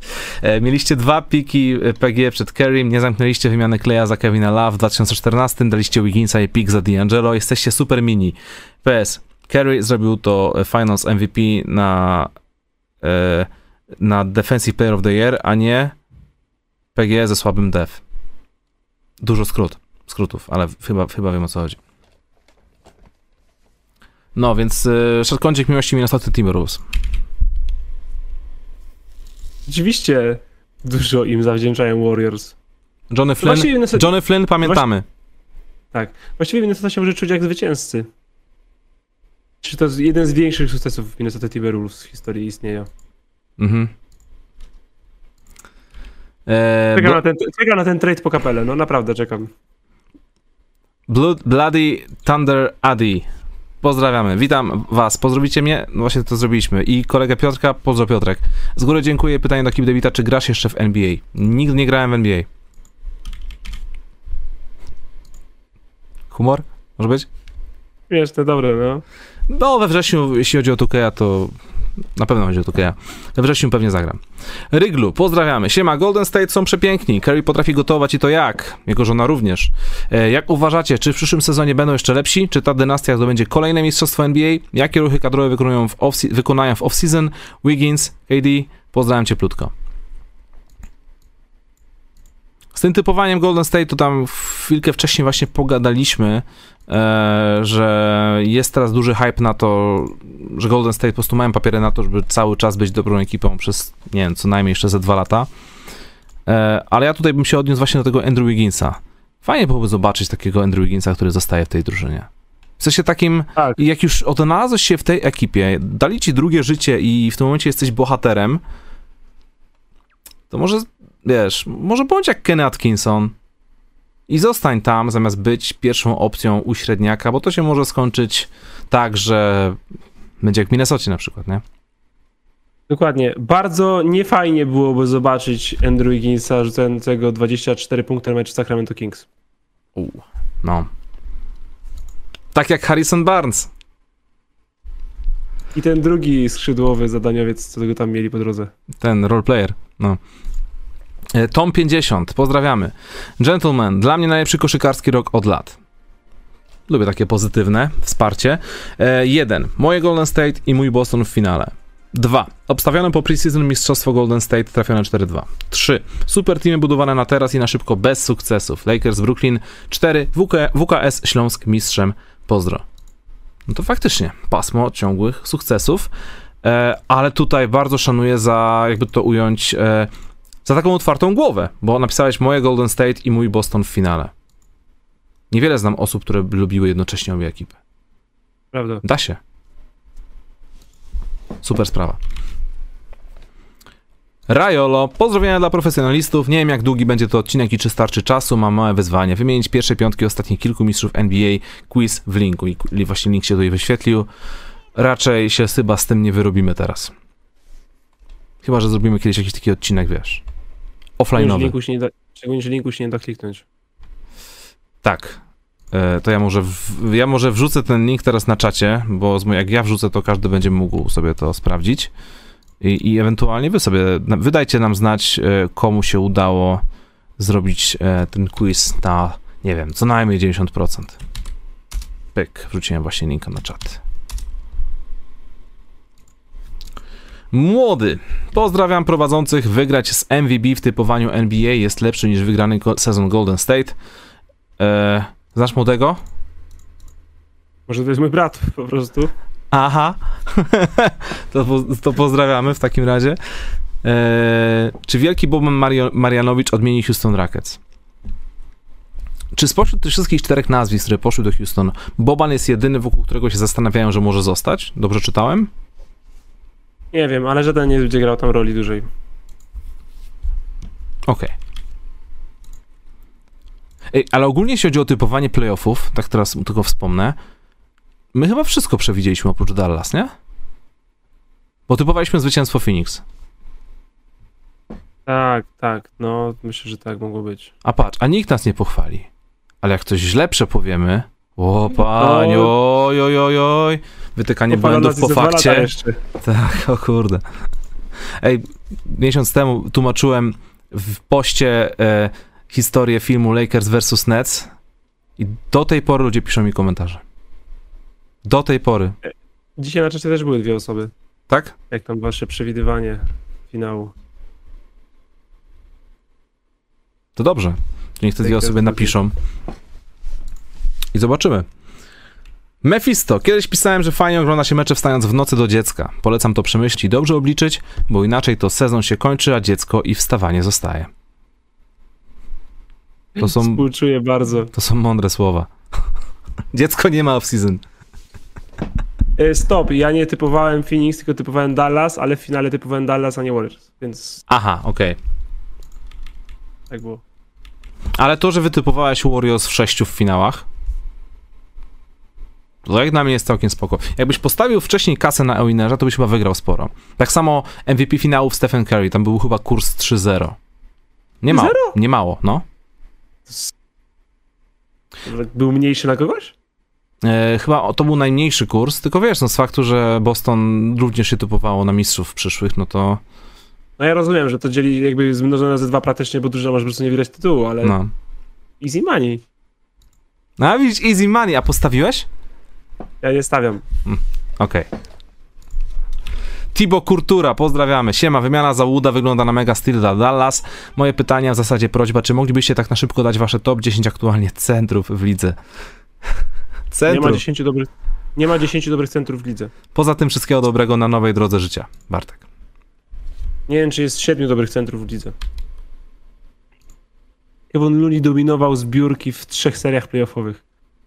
Pozycja centra nie istnieje. Mhm. To jest fake. Żeby nie pisać przy Nikiro Jokiczu point guard. Ja jest prezydentem, pozdrawiamy. Gdzie byście widzieli DeAndre Aytona? Lepszym fitem byłaby Atlanta, Hornets czy Lakersi? Szybkie pytania, bo tam jeszcze jest kolejne. Szybko odpowiedź w sensie. E, kolejnym dobrym fitem byliby... Dajcie Atlanta. go do Hornets. Atlanta? Atlant Trey ci poda więcej niż Lamelo.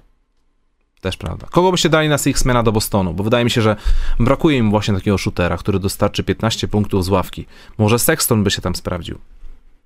Oj, nie wiem, czy Colin Sexton, ja wiem, że on się połamał i dawno go nie widzieliśmy na parkiecie, ale to nie jest zawodnik, który teraz nagle po roku przerwy będzie zawodnikiem kalibru rezerwowego. Musiałbyś z nim dużo pogadać, żeby wiedzieć, że... w sensie on musiałby kupić tę rolę, ale nie wiem, czy umiałby, chciał to, chcia, czy umiałby chcieć to robić. Mhm. Chyba, że dajesz mu kontrakt i dajesz tą rolę, ale no, to jest ryzyko spore. No nie wiem, ja bym chyba typował jakiegoś pewniejszego zawodnika. Rym. nie Juliana Bransona, jak coś. Jedynak, pozdrawiam serdecznie. Piękne to były finały, ale czuję jakiś niedosyt. Czy wy też, czy wy też tak macie? Do usłyszenia jutro na odsłuchu, tymczasem zostałem pozdrowienia dla was panowie oraz indywidualne gratulacje dla MVP. Czujesz niedosyt? To nie byłeś... Nie, ja jestem bardzo zadowolony z tych playoffów, ale rzeczywiście finałów, finałom brakowało crunch time'ów, buzzerbeaterów i takich wielkich momentów. W sensie poza takimi kilkoma, kilka razy, mówię, rozpalił nas, rozpalił nas e, pool, ale poza tym nie było takich, wiesz, że wstawałeś z siedzenia, że ci podrywało. bo to była równa, dobra seria, w której nie było jakichś takich miazg. Nawet ta seria 21.0, ona była spektakularna dość, ale nie tak, że wyglądała nieprawdopodobnie. To było bardziej tak, że czułeś, że ona się dzieje i myślisz, Jezu, jeszcze, jeszcze, jeszcze, jeszcze. Ale nie tak, że cię wiesz, wyrywało z fotela, bo to były jakieś szalone trójki przez ręce czy coś. Tak, to prawda. Ja oczywiście cały czas będę smutny, że nie było to Game 7, bo fajnie byłoby zobaczyć świętowanie na własnym terenie. Eee, ale wiesz co, widziałem statystyki oglądalności tych finałów i chyba te, ten mecz numer 6 był, miał lepszą oglądalność o 20 kilka procent niż y, ostatni mecz finałów zeszłorocznych Phoenix i Milwaukee Bucks. Więc chyba ludzie... Więc chyba, najlepsze moim zdaniem, więc... słucham? Które też nie były najlepsze moim zdaniem. Stricte koszykarsko były dobre. Mi się bardzo podobały tamte finały akurat. Ale jakbym miał sobie przypomnieć e, finały sprzed dwóch lat, Lakers Hit, a mi się wydaje, że to chodziło po prostu o ten dziwny klimat bańki. No, bańka jest inną historią w ogóle. Mhm. Lucky the Leprechaun, pozdrawiamy. Czyli jednak koszulkę Brauna zamawiam po tym pamiętnym ranie playoffowym. Pan Tatum, pan mnie zranił bezpośrednio w krwawiące na zielono serce. Panowie, koszulkę którego grajka basketowego byście przytulili? Obecnie grający lub retired, bez różnicy. Jak miałem wybrać jedną, jedyną?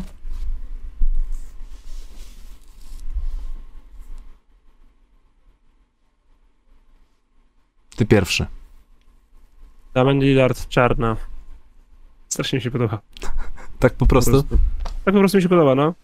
Bez jakichś doprowad do, do, dorabiania, bo jak kupię jakąś taką mega cenną czy coś, to jej nigdy nie założę, więc y, ładną, zwykłą. Ja nie wiem, czym nie chciał Manu Ginobiliego czarnej z San Antonio. Też nie wziąłeś Mount Rushmore, więc No. Kuba CSK. Pozdrawiamy. Wszystkiego dobrego, gratki MVP. Dzięki Kipi za kanał, dzięki za choć na boją, dziękuję chłopaki za cały sezon. Poniedziałki bez was tak jak pierwsze dni pracy po weekendzie. Jak powrót do normalności, bez promyka nadziei. Jesteście nie najlepsi. Ja pierniczę, to był ostatni donate dzisiejszego dnia, e, dzisiejszego programu, a patrz jaki miły. Takie Tak. idealne podsumowanie całych naszych programów na zakończenie tego sezonu NBA. Piękna Bo sprawa. zamykamy dzisiaj sezon cały. Sezon się skończył. Dokładnie. Dzięki wielkie Kuba, Twittera. Słucham? Śmieszna ciekawostka z Twittera jeszcze. Statmius wrzucił 10 minut temu. No. E, Kevin Durant, Kyrie Irving zakończyli trzeci sezon jako duet w NBA. Czytam duety, które zagrały razem więcej meczów. Rajon Rondo i Dirk Nowicki. Hakim Olajuwon i Vince Carter. Rashid Wallace i Allen Iverson. Nash i Kobe. I LeBron z Shakiem. Hakim Olajuwon i Vince Carter. Zagrali więcej meczów wspólnie niż KD i Kyrie Irving. Bro, I'm Tak, dead. I'm dead. Nie no, to jest za mocne akurat. O, No fajnie.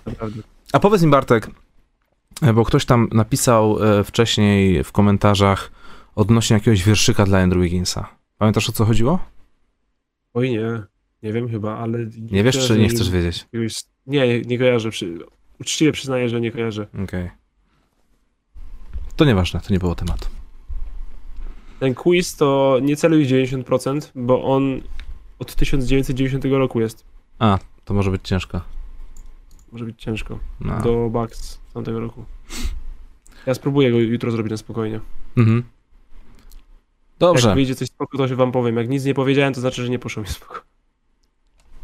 Też sobie, też sobie rzucę okiem, ale może być ciężko, jeśli chodzi o te pierwsze piątki z tamtych czasów. E, moi drodzy, naprawdę bardzo Wam dziękujemy za nie tylko ten program, tylko właśnie za cały rok z NBA. E, teraz będziemy mieć taką przerwę, nie przerwę, bo tak na dobrą sprawę widzimy się za tydzień, tylko nie w wersji online. Będziemy mieć dla Was specjalny odcinek offline e, profesjonalnego studia NBA, więc y, odcinek wleci w poniedziałek o godzinie 15, a za dwa tygodnie już normalnie widzimy się na żywo y, o godzinie 20.30 i pewnie już będziemy gadać o takich jakichś tam newsach, o draftach, o innych rzeczach ważnych, które dzieją się wokół e, ligi NBA. E, Bartek, ja Tobie też bardzo dziękuję za wszystkie te spędzone programy, co, co tydzień, dwie godzinki o koszykówce, to jest naprawdę super sprawa, żeby móc tak po prostu na luzie sobie pogadać o, o sporcie, który kochamy e, i no kurczę, no to już drugi rok tej, tej regularności, czwarty rok programu, drugi, ro, drugi rok regularności. 100, to, to jest odcinek numer 126 albo 127. To Lecimy był z tym. super sezon. To był super sezon. Dziękujemy bardzo. Wszystkim 1303 osobom, które jeszcze są z nami, 1100 łapką w górę i wszystkim odsłuchom z jutra ze Spotify'a i innych. Jesteście w porządku. Bartek, jeszcze raz wszystkiego najlepszego. Słyszałeś to dzisiaj milion razy, to sły- usłyszysz to ode mnie jeszcze raz. No. Ale to miłe. Wczoraj wieczorem leżeliśmy i czytaliśmy kartki, w których było napisane dokładnie to samo. I też, też, też donaty Też wysyłali. było miło. Też, no. Dobrze, do następnego razu. Pozdrówki e, i cześć. Hej. Dzięki.